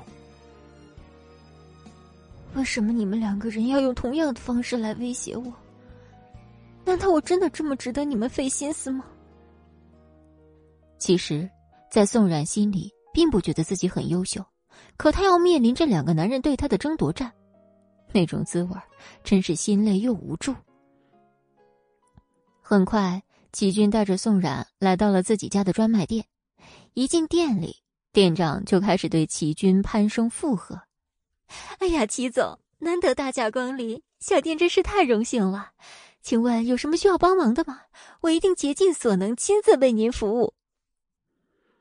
店长也一眼发现齐军身边的宋冉，第六感告诉他，那一定是齐军的女朋友，不然也不会带一个女人来女装店。把你们店里所有他能穿的衣服都包起来。我带他来过的事情，除了你知道以外，不能让外界知道。听到齐军如此夸大海口，宋然简直惊呆了。他根本不需要穿那么多的衣服，再说了，他的肚子也在一天天的变大，现在能穿上，以后说不定就穿不上了。这么奢侈浪费的事儿，他以前干过，但现在他绝对不会再干了。齐军，你疯了？挑几件能穿的就行了，过段时间还会再来买的。你买那么多，以后我穿不上怎么办？宋冉的话让店长大吃一惊。一般来这儿的男人带着女人挑衣服，没见哪个女人说不要的。宋冉还是头一个。让你穿你就穿，哪儿那么多废话？又不是你掏钱。齐军一口否决宋冉，只顾着给宋冉挑他能穿的衣服，薄的还不行，还非得来厚的。宋冉看着那如山般的衣服打包到他手下的时候，觉得心在流血，这么多钱就白白浪费了。够给他母亲买多少回药了？十三集，眼看着店长和他的店员把那些衣服都打包好，宋冉的内心更是痛苦无比。看着是在帮他们忙，实则只给宋冉增加了心理负担。这么多奢侈名贵的衣服，他哪儿消费得起啊？走吧。齐军倒是自在。买完之后，直接拉着宋冉回到了别墅，但一路上宋冉都还是黑着个脸。虽然解决了衣服的问题，但是那如小山般的衣服放在那儿只能穿一两个月，他着实心疼。到家以后，看着提着一堆衣服的宋冉，还有齐军，王妈甚是欣慰，还以为两人和好了，立刻走上前来。少爷、小姐，你们买衣服回来了。宋冉无奈的点点头，就回到自己的房间。季军则留下来跟王妈说了很多。这几天他心情怎么样？有没有说一些奇怪的话？到这个时候了，齐军还在关心宋冉的心理状态，因为那天宋冉着实把他吓到了。倒是没说什么奇怪的话。就是宋小姐这几天挺无聊的，我一个老人家也跟她没什么共同语言。如果有时间的话，少爷，你多带她出去转转吧。她也是个人，不是动物，也需要跟别人交谈，去外面散散心。整天把他闷在家里，要我我都烦了。王妈的话倒是提醒了齐军，他确实没有好好陪过宋冉。只是像养孩子一般把他拴在家里，如果带他出去旅游也不是未尝不可，只不过只能去一些比较近的地方。但舟车劳顿，他也担心宋冉的身体会受不了，毕竟刚刚出现那样的事儿。我知道了，你说的建议我会考虑的。这几天我不在的时候，还得劳烦你多关注他。有什么特殊情况，立马给我打电话。好，我知道了，少爷放心吧，有我在，宋小姐不会有事的。还有这个，是医生给他开的药，过几天把它放在饭里就行了。还有，不要告诉他这件事情。你也知道，我们两个的关系本来就很僵。如果让他知道我在他的饭里面放药的话，他肯定会多想的。王妈。你在我家里也干了几十年了，这件事情不用我再操心了吧？说起王妈，得从齐军小时候说起。自从他没了妈妈以后，齐连松就给他雇了个保姆，这个人就是王妈。可以说，王妈是跟母亲一样的存在，对齐军也极其的好。这件事交给他，齐军是最为放心的。少爷，我懂。你的心思我最了解不过了，你放心，我不会告诉宋小姐的。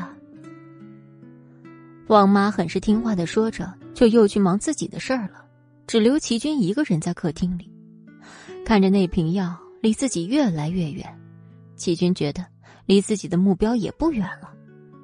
他慢慢的走到楼上，此时的宋冉正在房间里归置那些乱七八糟的衣服，他看着更是心烦意乱。这里的款式没有一件是他喜欢的，只不过是他正好能穿罢了。边放衣服的同时，嘴里还不停的嘟囔：“这个齐军，买衣服还不让我自己挑，净给我瞎买。除了这几天能穿，过段时间还能穿什么呀？真是浪费。”齐军听到之后，立马咳嗽了一声：“ 谁在说我坏话？”给你买了衣服，你还这么多事情，真是良心让狗吃了。你还好意思说，连挑都不让我挑，就给我选了这么一大堆。你问过我喜欢不喜欢吗？从我住到这个家，第一天开始，你就从没问过我的意见，一直给我强塞各种补品，就连衣服也强塞给我。你觉得这样有意思吗？当然有意思，我就喜欢这样的感觉。你能把我怎么样？看着齐军如此的厚脸皮，宋然也是彻底无语了，只好继续收拾那堆衣服。这时，齐军默默的将那瓶香薰放到宋然看不见的一个盲区，神不知鬼不觉的情况下，这香已经传到宋冉的鼻子里。宋冉对香水很敏感，任何气味都能辨别出来，只是这突然的味道让他觉得不知所措，但是因为并没发现什么特别的东西。他也就没说，继续收拾。晚餐时，启军不放心，特地来厨房嘱咐王妈：“那个东西加了吗？”“啊，加过了，放心吧。”“行，那你去叫宋然吃饭，正好，我也有事情要跟他说。”“好的，少爷。”说罢，王妈就去楼上。宋冉因为昨晚没睡好，此时正在补觉，也不知怎么。自从怀孕之后，她就一个劲儿的想睡觉，好像自己得了困病一样。要不是王妈亲自上楼叫她，她都忘了吃饭这件事儿，索性就睡过去了。宋小姐，快醒醒！我做了可多你爱吃的菜，快下来吃饭，孕妇可不能饿着。听到王妈的话之后，宋冉才渐渐苏醒，睡眼朦胧的她都不知道现在几点了，一脸茫然的说：“好，我这就下去。”不一会儿，宋冉跟王妈就一块儿下来了，看着宋冉穿着睡衣。那副小鸟依人的样子，齐军就忍不住想要去拥抱她，但是想到自己还在跟他赌气，便收回了自己的动作。果然，自己喜欢的女人就算不化妆都觉得很可爱。本来心情大好的宋冉看到齐军，心情又立马跌入谷底。要不是因为吃饭，他才不想跟他一块儿出现在一个房间。你怎么才来啊？我早就叫王妈去叫你了。吃个饭都这么磨蹭，你管我！我想什么时候吃就什么时候吃。再说了，饭又不是你做的。宋冉跟齐军斗嘴，仿佛没停下来过。但就算这样，齐军也喜欢这样的时光，那是他以前最想拥有的，却一直被莫千行占着。现在终于回到自己的手里，那种感觉实在是太好了。就算是被宋冉埋怨着，他也是开心的。第四集。喂，齐军，你还到底让不让我吃饭了？你是想说这些话恶心死我吗？宋冉根本不甘示弱，就算有一次机会，他也要把自己所受的嘴亏还回去。苏小姐，少爷其实很关心你，你看这一日三餐，他都安排的妥妥当当，生怕你吃不好。还有那衣服，我从来没见。他给自己这么奢侈过，买衣服全都是给你买的。听完王妈的话，宋然也不好再辩解什么，毕竟在老人面前，他也不好多说什么，只能乖乖吃饭，不再讲话。眼看着宋冉将王妈准备的饭吃到肚子里，齐军才安心的吃起来。你最近觉得很闷吗？突然开始问自己闷不闷，宋冉只觉虚伪。这个时候才问自己闷不闷，早干嘛去了？齐军，你又想耍什么花招？在你心里，我就是这样的人吗？我就问你闷不闷，你只需要回答我就行了。当然闷了，整天闷在这一个房里，哪儿也去不了，是个人都会闷吧？更何况我是个孕妇，不让我呼吸新鲜空气，你让我怎么受得了？那正好。过几天，我要去海边办个酒会，你跟我一起吧。就当去吹吹海风、散散心了。酒会，以前怎么没听你说起过？我不去。自从上次见红以后，宋冉就格外小心。虽然嘴上说闷，但太远的地方他还是不敢去，万一伤到孩子，一点责任都负担不了。怎么这个时候你不嫌闷了？我只是想带你出去散散心而已，酒会只不过是个过场，不用你去的。你只需要在酒店里休息就行了，其他时间我会带你到处转转。再说了，海边那个地方也没有什么危险性，你又不去游泳。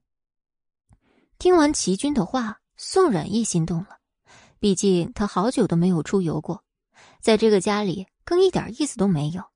如果能借这机会去看看海，也许心情会好一点。你确定不会有一点危险？要是我的孩子出事了，我一定不会饶过你。你就放一百个心吧，这次王妈也会陪你一起去。有她老人家帮着你，你觉得你能有什么危险性？站在旁边的王妈没想到这次出行还有自己的份儿。少爷，你们二人世界。我就没必要掺和了吧？不行，王妈，你得跟我一起去。你这样我还有个伴儿，我可不想一路一直跟他吵架。哎，宋小姐真是天真可爱，少爷，你可得好好珍惜她。王妈，你说什么呢？好。好了，你们慢慢吃，我去准备一下出行的东西。看着两人的气氛逐渐升温，王妈也不好再打扰他们，找了个借口就离开了。此时只剩下齐军和宋然两人，气氛也开始微妙起来。在另一边的高楼大厦里，莫千行还在处理着公司的事儿。这几天他一直在加班，似乎没有回过家。林雨柔也是隔三差五过来看他，每次手里带过来的饭，在带回去时都是完完整整的。千行，我带的饭菜你怎么一口都不吃啊？是不好吃吗？还是？要不下次我带你去一家日料店，那家的口味你一定喜欢。我记得以前你最喜欢吃日料了。莫千行根本顾不上林雨柔的唠叨，一直在处理手头的事儿，好像站在眼前的人是空气一样。此时的林雨柔已经不耐烦，将自己的手挥在莫千行面前说。秦行，你听不到我说话吗？喂！刚刚有一个想法的莫千行被此时的林雨柔打断，他一肚子火的看着林雨柔：“你能不能别来烦我？没看见我有正事要处理吗？你的饭我一口都不想吃。”本来还笑容灿烂的脸一下子变得阴了起来。林雨柔算是倒霉，每次来都会遭到莫千行的冷脸。明明说要跟自己结婚。可这边一直以忙工作为由不搭理自己，林雨柔实在是受不了了，对着莫千行就骂：“你还有没有良心了？这次危机如果不是我，你觉得你现在能坐在这儿吗？我给你送饭你还不搭理我，真是一片好心被狗吃了。”听完林雨柔的话，莫千行才有了那么一丢丢愧疚，但这种愧疚很快就消失了，他根本不想跟林雨柔结婚。以工作为理由，也不过是在跟他耗时间。等手头上的事忙完，就会找另一个理由再推掉这场婚事。毕竟这样的事儿他已经干过很多遍了。林小姐，现在已经晚上十一点了，你该回去睡觉了。我这里没有你能住的地方。莫千行，有你这么对我的吗？有，就在这儿。还有什么问题吗？我问你。你到什么时候跟外面宣布我们结婚？你还要让我等到什么时候？八年了，八年了，莫千行，是块冰也该被我融化了吧？若不是林雨柔提醒，莫千行都快忘了，原来这女人已经跟他纠缠八年，简直可怕。我没有忘，现在正是公司生死关头的时候，这个时间段你让我宣布我要跟你结婚，你疯了吧？那个男人会这样做？以后让我喝西北风去吗？跟我在一起，你怎么会喝西北风？我肯定会让你的公司越来越好呀！我只是想要一个保证，就一个保证就好。只要你对外宣布跟我结婚，我可以答应你任何条件。听到这儿，莫千行彻底心动了。如果能让林雨柔这几天不再来打扰自己，那么这个宣布也是值得的。好。我答应你，明天我就让公关把我们要结婚的消息公布出去，这下你满意了吧？二百一十五集。听到这消息之后，林雨柔简直开心坏了，恨不得立马就告诉自己的家人，自己要跟莫千行结婚了。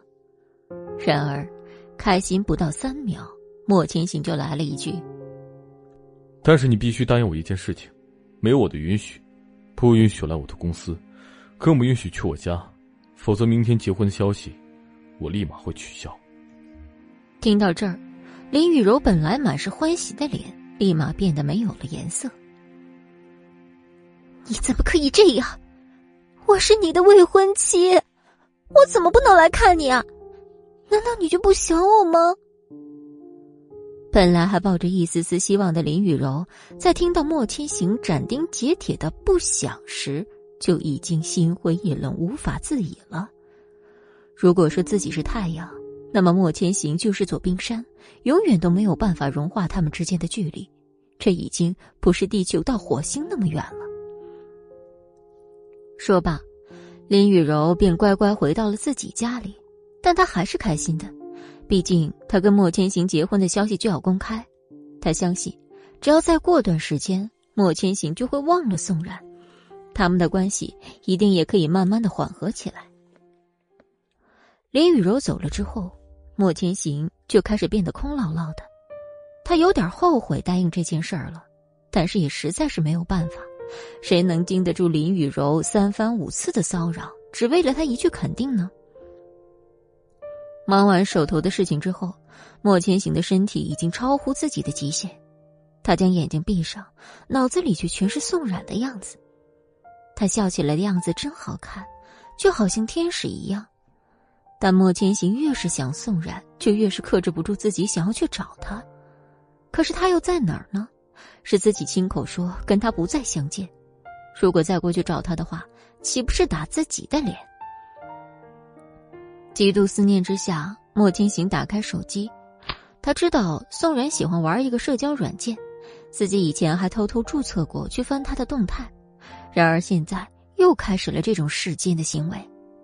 只是这个账号，宋冉从某一天开始就没有发送过动态，好像人间蒸发一样。莫千行越发担心宋冉出事儿，他立马给思慕打了个电话：“快来公司，有事儿。”莫千行真不会挑时候，好不容易有个空闲时间能约会的思慕，正在床上跟美女共度春宵，就这样被硬生生叫到了公司里。思慕内心就像吃了苍蝇一样难受，到嘴的鸭子还没尝完，这种滋味真是太难受了。喂，莫千行，你还让不让人活了？我都已经好久都没有约过会了，好不容易能放松一下，又被你叫到公司里来。大哥，这都十二点了，有什么事情不能明天早上再说吗？思慕边打着哈欠边埋怨着，身上领带也没系，一身颓废的看着莫千行。倒是他，西装板正，浑身上下散发着一种精英的气息，两个人站在一起，形成鲜明的对比。行了，别埋怨了，过段时间给你涨工资。老这么唠叨，看来是我平时太惯着你了。什么叫惯着我们？这么多年的好兄弟，我又给你当牛做马这么多年，给我涨工资很过分吗？行了，怎么那么多事儿啊？找你来是想让你帮我一个忙的。什么忙？不能电话里说呀，非让我亲自过来。其实莫千行也不知道怎么想的，其实完全可以明天再让司慕查，但他现在已经迫不及待的想要知道宋冉的下落，必须立马查到。自己才能放心。我很担心宋然，你找一下他现在在哪吧。看着莫千行此时担心的样子，思慕就觉得活该。要不是他当初放宋然走，至于现在这么失魂落魄吗？要找你自己找，我不找。找回来了，你还把人家骂走，我找他干嘛呀？思慕说的倒是大实话，但莫千行就是不想承认。看着他说：“你找不找吧。”你要是不找，我立马就辞退你。财迷思慕当然不会走。行行行，谁让你给我发工资呢？我这就去找去，明天早上给你答复，行了吧？思慕这么说，莫千行才肯让他离开。但是对宋冉的担心却从来没有消失过。这一个晚上，他都在翻看宋冉以前的动态。原来他一个人的时候，竟这么多愁善感。也了解了他很多内心的想法。此时的宋冉根本感觉不到莫千行在思念他，而是一边在查去海边的注意事项，还包括了孕妇能吃什么海鲜，不能吃什么海鲜，他都查得一一俱细，就怕出一点差错。好在齐军给他准备了很多的衣服和物品，基本上不用怎么操心就能出门，反倒是累了王麻，让他一个人收拾这么多东西，宋冉实在是不好意思。宋小姐，这个需要戴吗？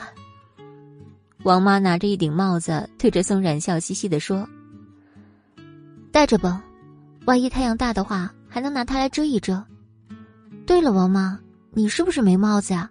那把这顶帽子送给你吧，我还有好多呢。哎呦，这怎么好意思呀？毕竟是宋小姐的东西，没什么不好意思的。王妈，这段时间多亏你的照顾。要不然我多孤单啊！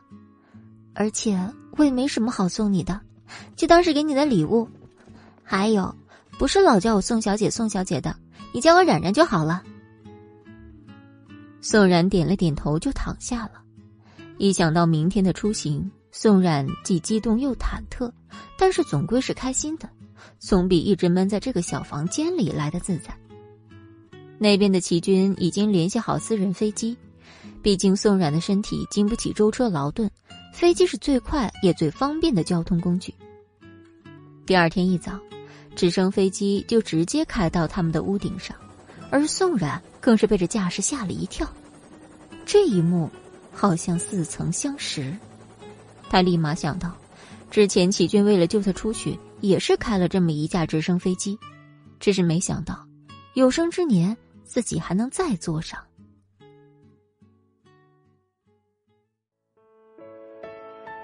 二百一十六集，我说齐军，你也太夸张了吧！海边就算开车也就三个小时，你这直接就上飞机了。宋小姐，少爷一时担心你坐车会呕吐，就直接把飞机叫来了。不到半个小时啊，我们就能飞到海边多方便呀！王妈最是听不得宋冉说齐军不好，稍微出现点不好的字眼儿她就会立马为齐军解释。王妈和家里的司机把所有的行李都搬到飞机上时，宋冉跟齐军才上飞机。让你坐飞机，你应该感到荣幸。宋冉根本不想搭理齐军，他立马翻了个白眼给他。要不是可以去海边，他才懒得跟他顶嘴。果然，不到半个小时，飞机就飞到了海边的度假村里。这里的经理跟工作人员为了迎接他们，还铺上了红地毯。所有的工作人员都穿着整洁的制服，向他们一一鞠躬。宋然怎么也没想到，齐军家底儿这么厚，因为他们每一个人都喊齐军老板。难不成这度假村也是他家开的不成？老板，您难得来一次。我们更是为您精心准备了完美的旅行计划，您过目一下，哪里不妥当的地方，我们现在就改。随便你们怎么安排都行。说罢，便带着宋冉去度假村的别墅，王妈紧随其后，身后还带了一个随行的保镖。进到别墅以后，宋冉简直被眼前的一切惊呆了，这哪是度假村啊，简直就是皇宫，里面的建筑跟装饰品奢侈的不行。可以说是豪华总统套间而且这种风格跟启军家里不相上下。可以想象，这种房子住一晚得花多少真金白银。就连宋然以前跟父母出来旅行的时候都没这么奢侈过。王妈看到这么好的居住环境，更是开心到不行。没想到，我一个年过半百的人还能有这种待遇，真是多亏了冉冉了。啊！王妈，不能这么说，是我沾了你家少爷的光。齐军听到两人的对话，内心更是开心的不能自已，特别是那句“沾了你家少爷的光”，让他觉得自己跟宋冉之间的距离又近了几分。看来自己决定跟宋冉出来的决定十分正确，至少能看到他脸上开始出现光了。好了，你们可以走了。还有。一日三餐送到房间里来就行了。我不太喜欢出去吃饭。好的，齐总，就按您说的办。十分钟以后，您的餐饮就会送进来。跟齐军交房以后，那些人就走了。齐军带着宋冉去选房间，一间大的，一间小的，还有一间在楼上。宋冉果断选择了楼上的一间。我喜欢清静，就让我住楼上吧。王妈年纪大了，不能一直上楼梯。她就睡这儿就行，至于你呢，那间最小的留给你。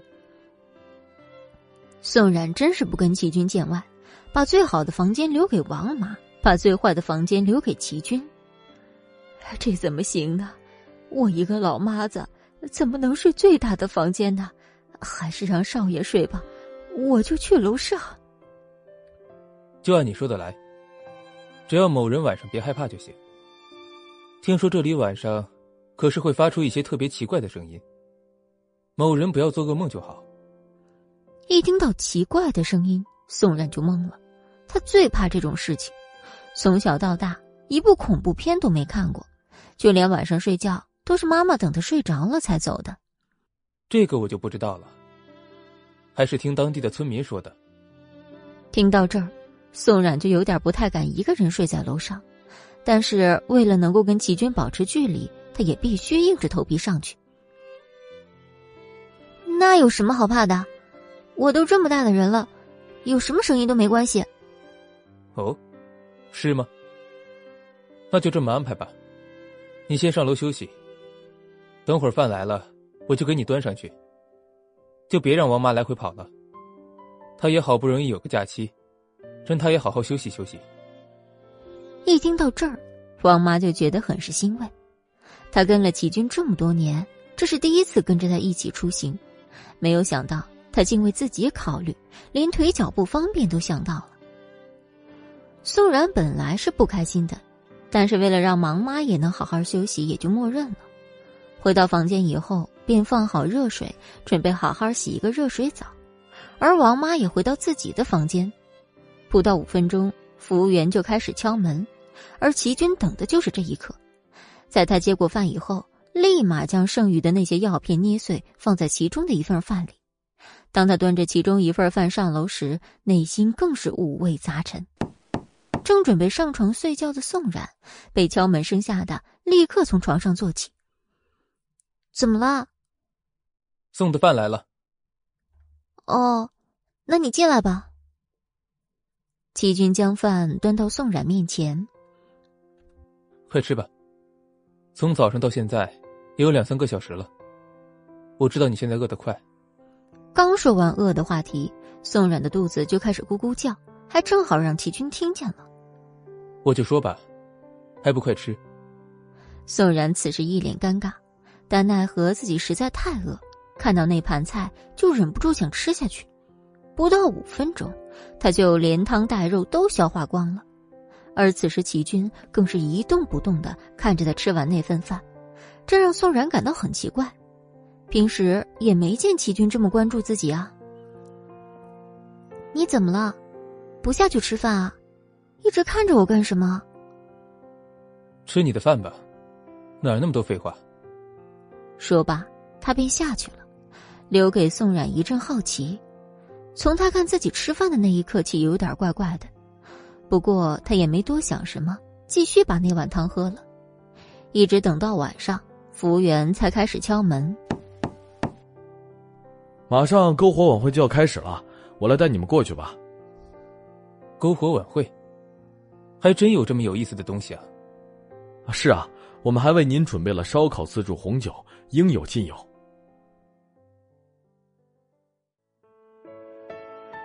二百一十七集。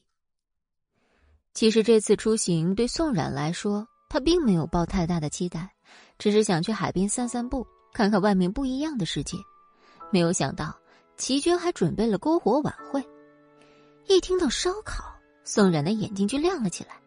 他已经好久没有这么放肆的吃过这种不健康的食物了，只是。自己的期待还没开始，就被齐军的一句话打破了。只有烧烤吗？有没有其他健康点的食物？放心吧，什么都有。我们也特地为宋小姐准备了参汤，都是对女人特别滋补的食物。听到服务员这么说，齐军的心总算是放松了。只是已经喝吐了补品的宋冉，听到参汤并没什么胃口，一脸抱怨的说。难得出来一趟，你就让我吃一点烧烤吗？又不会有什么大事。看着宋冉那一脸憋屈的样子，齐军也实在不忍扫他的兴。那你只能吃一点。宋冉立马点点头，就跟着齐军出去了。别墅离海边也不远，但是为了照顾宋冉的身子，他们还是开车去了。一路上吹着海风的感觉甚好，虽然觉得这里的空气都跟家里不一样。只是出发的时候，王妈并没有跟着去，她觉得那是年轻人应该去的地方，自己这种老人就在家里打扫打扫卫生就是了。宋冉也考虑到王妈的身体，也没有强求她，只是只有自己跟齐军存在在那个地方，多少会有点不舒服。到了地方以后，工作人员立马鞠躬，弄得跟董事长似的。本来还以为会有很多外来的朋友跟他们一起参加这个篝火晚会，搞了半天只有他跟齐军，剩下的全部都是内部人员送染的，那股开心劲儿一下就消失了。他好奇的问着工作人员：“难道就没有外人过来旅游吗？怎么就我们两个人啊？”这里已经被齐先生包下来了，所以我们全程是为你们两个服务的。那这片海？他都包下来了，是的。宋冉问这句话像白痴一样，他一下就愣住了。本想着出来旅游还能见见别的人，看看别人的故事，没想到搞了半天，就是从一个房间搬到另一个有海的房间罢了。季军发现宋冉不对劲儿，看着他说：“怎么，没有人你不开心吗？”当然不开心了，只有我们两个，有什么意思啊？出来旅行还有什么意义啊？哼，怎么没有人？这些工作人员不都是陪我们一起来参加篝火晚会的吗？你们说是吧？齐军故意对着工作人员笑道，而那些人也因为他是总经理的原因，随声附和。是的呀，我们都是来陪你们参加篝火晚会的。刚说完，工作员就摆成了一个心形的形状，开始跳起他们的迎接舞。随着音乐跟舞蹈摆动着他们的身体，宋冉实在没想到自己还有幸看到这一幕，本来还有点难过，看着工作人员这么用心在跳舞哄他开心，自己也就释然了。当他们跳完舞时，工作人员还为宋冉送来一束鲜花，欢迎宋小姐来到海城。这束花是由九十九朵玫瑰构成的，还是他最喜欢的香槟玫瑰。已经好久没收到花的宋冉开心坏了，他不禁想起上一次收花的情景，还是自己十七岁考上年级第一，莫千行跑来送他的。一转眼过去这么多年，想想真是太久了。喜欢吗？季军突然离得特别近，嘴巴跟耳朵就差一根手指的距离，那亲昵的语气和距离。一时之间，让宋冉从幻想中醒了过来。第一个送她的男人是莫千行，万万没想到，第二个人却是齐军。很喜欢，谢谢你。工作人员立马推来了所有的餐车，上面摆着各种各样的食物，烤全羊紧跟着也送了过来，那分量可以说是他们两个人十天十夜都吃不完的饭量。那就好好吃饭。忘掉所有的不开心。这个晚上，只属于你。是啊，已经好久没这么忘我的，度过一个属于自己的晚上了。在歌声和舞蹈中，宋冉开心的像个孩子，面对自己喜欢的食物，面对着这样轻松的气氛，这一切就好像做梦一样。只是宋冉永远也不会想到。在这些美味的食物身上撒满了齐军给他准备的毒药，每次吃下去一口都是对他孩子的慢性自杀，而齐军亲眼目睹这一切，却只言不语，默默的看着宋冉。一开始他还很愧疚，但是他一想到林雨柔对他说的话，他就觉得自己必须这么做。这孩子一旦留下，将会成为他跟宋冉之间最大的阻碍。要知道。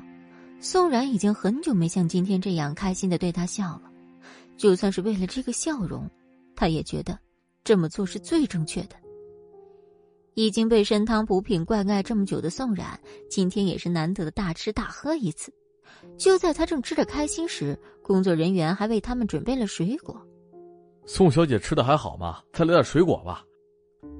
真是太感谢你们了，这些就够吃了，你们也去吃一点吧，我也吃不完。那可不行，这可是齐先生精心准备的，我们有我们的工作餐，饿不着的。一听到“精心准备”这四个字，宋冉就没办法回应。他也知道齐军对自己很上心，从里到外每一件事儿都是他亲自过问，但是就是因为齐军对自己太在乎，才让他有些受不了。看到齐军走过来，工作人员也识趣的离开。感觉怎么样？这里是不是有点冷？要不要我找人拿个外套给你？齐军的关心让宋冉的心突然咯噔一下，他怎么能如此之细心？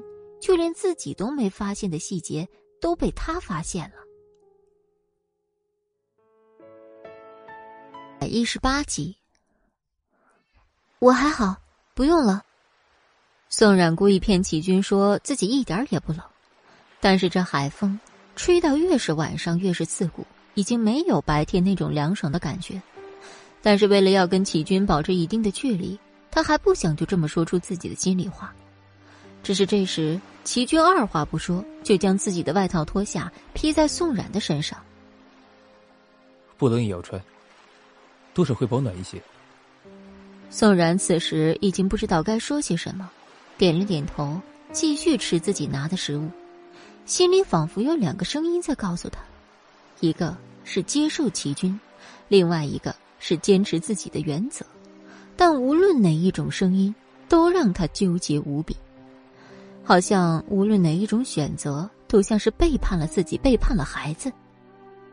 天色渐晚，齐军跟宋冉一起回到家里。这时，王妈还没睡，一直在客厅里等他们回来。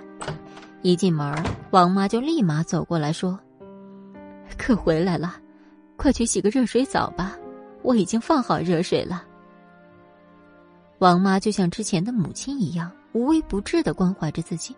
都已经这么晚了还不睡觉，谢谢王妈。这么晚了你也快去睡吧，以后不用等我们回来。还有，洗澡水我自己放就行了。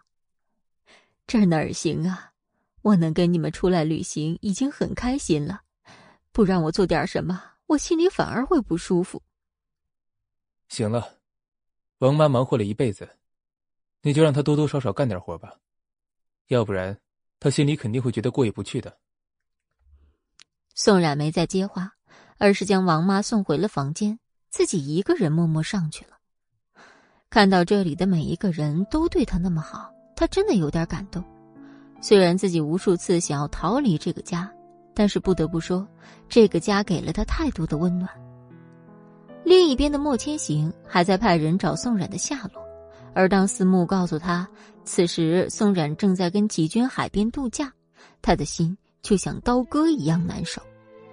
自己每天这么痛苦的生活着，宋冉却若无其事的出去度假，难道他真的一点儿也不在意自己吗？听完这个消息，就将手中的笔给折断了，吓得思慕退后两步。千行，不要生气呀。人家总归也要是有自己的生活的。你给我出去！莫千行此时已经愤怒到六亲不认，思慕也很冤枉。明明自己是干活最多的那个人，从白天查到晚上，就是为了让莫千行早点知道宋冉的下落，没想到却碰了一鼻子灰。这种事儿，他是再也不想干了。我说的明明是事实，好吗？真是的，以后这种事情，别找我给你查。查到了，你又对我发脾气。司慕生气的走掉，只留下莫千行一个人在办公室里。他不停的用手机翻看宋冉的照片，实在是太想宋冉了，想到恨不得立马跑到那个地方叫他带回来，亲口跟他说，他接受这个孩子，他愿意将这孩子当做亲生的去照顾。可每当他有这种想法时，却怎么也没办法行动。在他骨子里，真的没有办法那么快的接受这个现实，他还需要时间，但具体多长他也不知道。但是想见宋冉的心是真的。就在此时，林雨柔给他打了个电话：“金行，你怎么不回我消息啊？你没看到我给你发的那家店吗？”“没有。”“没关系，那我们现在去吧。你看，你工作到这么晚都没有吃饭。”听说这家饭店很好吃，我就给你推荐了。我不想吃，你自己去吧。还没等林雨柔说完，莫千行已经迫不及待的挂掉电话。他现在哪还有什么心思吃饭啊？能不对林雨柔恶语相向，已经是他最大的仁慈了。只是此时的林雨柔难过的像个孩子，一个人在房间里默默的流眼泪。他现在跟莫千行的关系。哪儿像是快要结婚的人啊？完全像是快离婚了，好吗？一想到这儿，林雨柔就一肚子火，没地方撒。这时，他突然想到一个人，差点忘了这个跟他一起同仇敌忾的盟友。他二话不说，就想找他一起诉苦。喂，既然你在哪儿？我们一块儿去喝酒吧。因为上次的事情，既然元气大伤，差点被剧组开除，所以这段时间他一直勤勤恳恳拍戏，不敢出半点幺蛾子，生怕自己前半年付出的心血功亏一篑。听到林雨柔的电话之后，自己其实是想拒绝的，因为这段时间他实在不想再去跟那些和自己不相关的事情打交道，但是又碍于林雨柔曾帮过自己，所以他还是去了。两人到了一起，就边喝边说：“你说，人的命怎么就这么不一样呢？我上赶着帮莫千行，他看都不看我一眼。”而宋冉现在跟着启军吃吃喝喝玩玩乐乐，还能被人这么惦记，我真是命苦。既然听完以后，联想到自己悲惨的身世，我不也是一样吗？前几年拼死拼活演个戏，还不如人家宋冉刚出道时受欢迎。要说命苦，我也比你好不到哪儿去。我这都快结婚的人了，搞得跟快离婚似的，真没意思。林姐啊，要我说，你就找个机会，让自己先怀上他的孩子，他总不至于让你把孩子打掉吧？这样的话，你们有可能会更进一步。一想到这个，林雨柔就来气。她也不是没用过这个方法，但现在莫千行也得让她接近啊，都不让她接近，哪儿来的孩子？你能不能换个办法？这招已经不行了，之前的孩子没了。我现在都见不到他，我怎么生他的孩子？这一下可把季然难住了，他还没见过这么难缠的主。要我说，一不做二不休，只要宋冉还在，莫千行肯定还会想他。但如果他没了，那你们之间就不会有任何阻碍了。让一个人消失，谈何容易？如果能，我也不至于愁到现在。那要是宋冉再也不想回来了呢？那要是他不想让莫千行找到呢？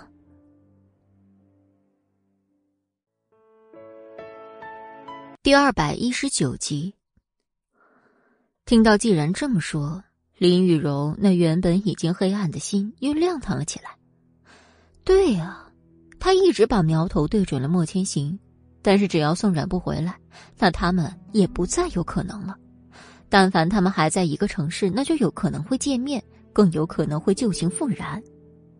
虽然已是深更半夜，他还在跟季然商讨着如何让宋冉离开这座城市，也是煞费苦心。只是这部电影没了宋冉，总感觉缺了点什么。虽然他那个是配角，但也有很多重要的戏份在里面。自从宋冉怀孕以后，导演就停了他的戏，本想着以后补拍。谁知道这怎么也联系不上了，他也打不通宋冉的电话，只好主动找上门来。这天，莫千行正在办公室处理事情，一抬头看见导演。那次见他时，自己还骂了他一顿。导演，你怎么来了？导演还是那副笑嘻嘻的样子，毕竟莫千行是他这部电影最大的金主，可不能得罪。我来是想问问宋冉现在的伤好了吗？我们的戏还在等着他来拍呢。一听到这儿，莫千行猛然想起上次的事情，但他又没有办法跟导演说宋冉已经离开，自己只好搪塞说：“还没有养好，这部戏你最好还是换个人拍吧。宋冉伤的挺严重的，恐怕以后没办法再接戏了。”导演知道宋冉没办法继续拍时。整个人都呆住了，眼下这种形势哪儿找宋冉这样敬业的演员啊？何况他的戏都拍了一半，这真是难为死导演了。莫先生，呃，能不能请你想想办法？如果说不到那种下不了地的情况，就让宋小姐露个面就行，我好给她一个杀青的画面。这眼看着电影就快拍完了，总是少一个部分，我这心里不舒服呀。你也知道，我向来追求完美，拍电影呢也是认真的。对于演员的筛选，更是经过层层的选拔。那样子的话，实在是让我没办法交差呀。莫千行又何尝不想让宋冉回来？但是眼下他都找不到宋冉，又怎么让他去拍戏呢？实话告诉你吧，宋冉，我现在也不知道他在哪里。这件事情你要保密，你要知道说出去的后果是什么。导演万万没想到，宋冉竟然失踪了，那他这部戏算是彻底黄了。莫先生，请你一定要帮我找到宋小姐啊，要不然我真的没有办法给观众一个交代呀。莫千行无奈的点了点头，但是他也无法给导演一个满意的答复。日子一天天过去，他对宋冉的思念非但没有减少，反而一直加重。就在今天，他看到海城突然爆发了台风，他突然想到。宋冉就在这座城市度假，心立马就慌了。他立马给思慕打了一个电话，说：“马上给我订去海城的机票，就今天晚上的，快。”思慕也听说了台风的消息，没有机票了，高铁、火车都停了。那场台风实在是太大了。思慕是头一次见到莫千行如此着急一个女人，虽然他没说是为什么，但是。他已经猜到了莫千行的目的。当天晚上，思慕跟莫千行就赶到了海城，帮他们找到宋所居住的那座酒店时，已经凌晨十二点。因为台风的缘故，所有的顾客都被转移到了市中心，这里的酒店空无一人。眼下台风已经停了，客人却还没有回来，找不到人的莫千行到处乱吼，完全没有一点风度。千行，你别着急，我正在联系这家的经理。他们说现在在市中心的一家分店里。你看，这台风也停了，相信人肯定也没什么事，你就别着急了。我能不着急吗？换做是你听到这样的消息，你还能坐得住吗？就在这时，面前突然出现一台车，宋冉跟齐军正下来准备拿自己的行李，就看见莫千行惊恐的脸。宋然万万没想到，他竟然会找到这儿来。不是说好永远不再相见吗？还是说他也是来这儿度假的？齐军看到莫千行之后，整个人的心都紧绷着，但是他还是装作一副无所谓的样子。就，莫总也有闲情逸致来这里度假呀？您不是正忙着结婚的事情吗？看来是不是林小姐也过来了呀？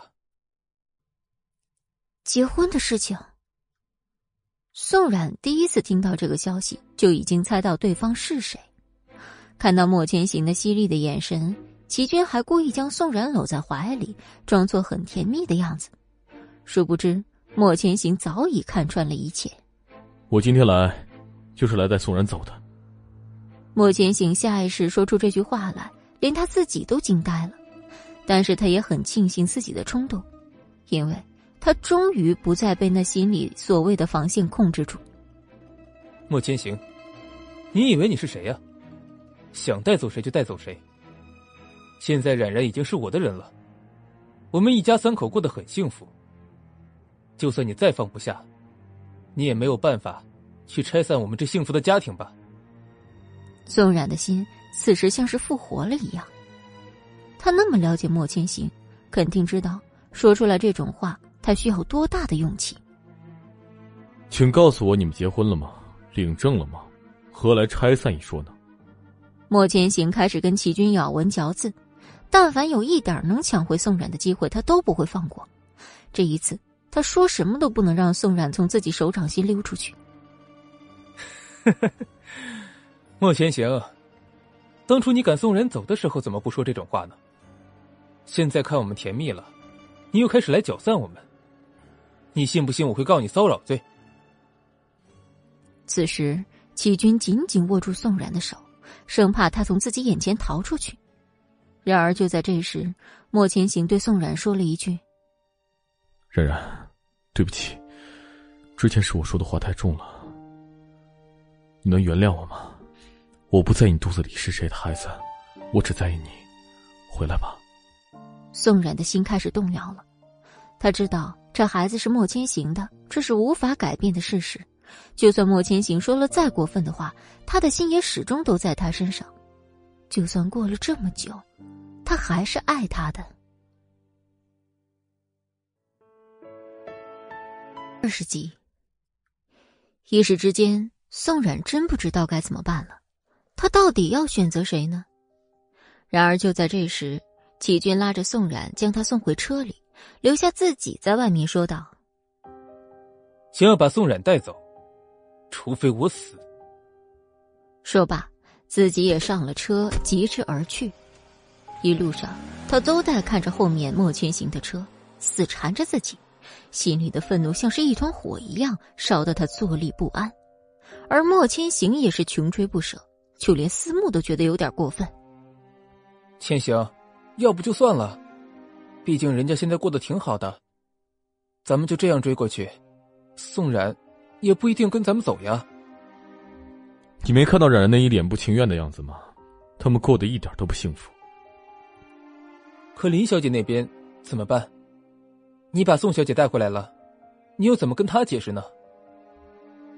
思慕的这句话把莫千行问倒了。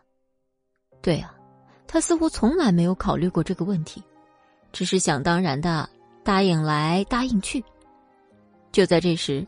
莫千行喊停了，他没有再继续追，而是让司机返程回去。对啊，在他反悔时就应该想到自己已经酿成大错。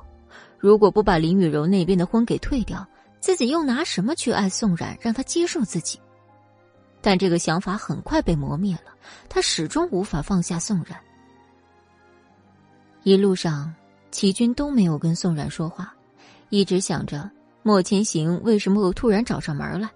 明明自己已经将误会构造的天衣无缝，他又怎么会突然间释怀？此时他开始怀疑是宋冉，偷偷告诉莫千行这里的地址，便一扭头向宋冉兴师问罪：“是不是你把这个地方透露给他的？不然，他怎么会这么快就找到呢？”我没有，你怎么能这么想我？那是为什么？除了你，还有谁会有莫千行的联系方式？你就这么想要离开我吗？刚刚两个人的关系才变好，这一下又变僵了。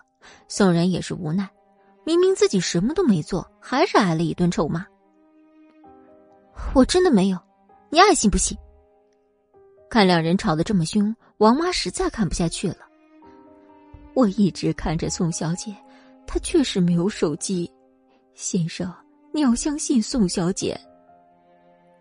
齐军不再说话，他也意识到自己有些冲动，但今天的事儿实在是给他提了一个醒儿，好像自己无论到天涯海角，莫千行都能找得到。眼下最好的办法就是带着宋冉去往另外一个国家。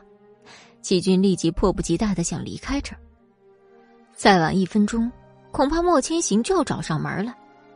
他立马让助理订了两张去墨西哥的机票，就连宋冉的签证，早在宋冉刚来齐军家时就已经偷偷办好了。那张没有送走的身份证正好派上用场，就连宋冉都惊呼于齐军的办事能力。今晚我们就走。齐军二话不说，告诉了宋冉这个不争的事实，但宋冉依然放心不下他的母亲。我不能走，我走了，我妈妈怎么办？要走你自己走。你的母亲在这里，会受到最好的照顾，你还在担心什么？齐军当然不知道宋冉的担心，他只想和母亲待在一个城市，想看他的时候随时去看，而不是身在异国，对方什么情况都不知道。齐军，如果你依旧是这种态度，我觉得我们之间没什么可说的。要走你自己走，我是不会走的。此时的齐军抓住宋冉的手，难道你还想跟着莫千行回去不成？这些天我对你做的努力都白费了吗？只见齐军的眼睛瞪得老大，快要将宋冉吃掉的样子。齐军，你冷静一点我没有想过回莫千行那儿，我只是想待的离我母亲近一点去了墨西哥以后，每天我都会让专人让你跟你母亲视频。这不是一样吗？还是说，你根本就是想要跟莫千行回去。说到这儿，宋冉犹豫了一下，难道说在他内心深处一直都在等着莫千行来接自己吗？他不敢想，也不敢说，但就目前来讲，他确实不想离开这儿。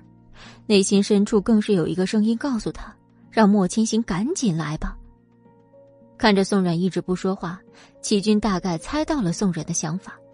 貌似从一开始他就不打算接受自己，又或者说，一开始宋冉就一直在等莫千行过来接他。无论自己付出多大的努力，都没有办法赢得他的喜欢。但齐军就是这样一个人，哪怕是自己得不到的，别人也休想得到。没等宋冉回复，齐军就拉着他去了机场。一路上，宋冉疯狂的想要逃离。但是奈何已经被他身边的保镖按住，动弹不得。齐军，你疯了吗？你知不知道自己现在在犯罪？宋冉挣扎着跟齐军讲话，用尽自己所有的力气，然而却被齐军用一块布塞住嘴巴。别废话，等到了墨西哥之后，你就自然明白我为什么这么做了。宋冉支支吾吾。因为被塞着的原因，他没想说一句话都异常难受。因为挣扎的太厉害，宋冉的头上冒着冷汗，即便车里开着空调，那虚汗还是满脸。王妈看着很是心疼。少爷，要不把小姐的布拿下去吧？她肯定不会再挣扎了。你看她头上的汗。齐军没有回答王妈，他太了解宋冉，如果现在把毛巾摘下。那么宋冉肯定会闹得整条街的人都知道。等到了机场的时候，齐军害怕宋冉继续大吼大叫，吓唬他说：“如果你敢在机场多喊一声，我立马就会拔掉你妈妈的呼吸机。”被齐军吓得宋冉吭都不吭声，只能像个机器一样跟在他后面办所有的登机手续。然而就在这时，莫千行出现在他们面前。此时宋然脸上已毫无表情可言。就像一个僵尸一样听候发落，而齐军却露出一副令人惊悚的表情。莫总可真是闲情逸致啊！放着自己的未婚妻不陪，成天跟着我们来回跑，你到底是什么意思呀？没什么意思，我是来接我的女朋友回家的。哦，是吗？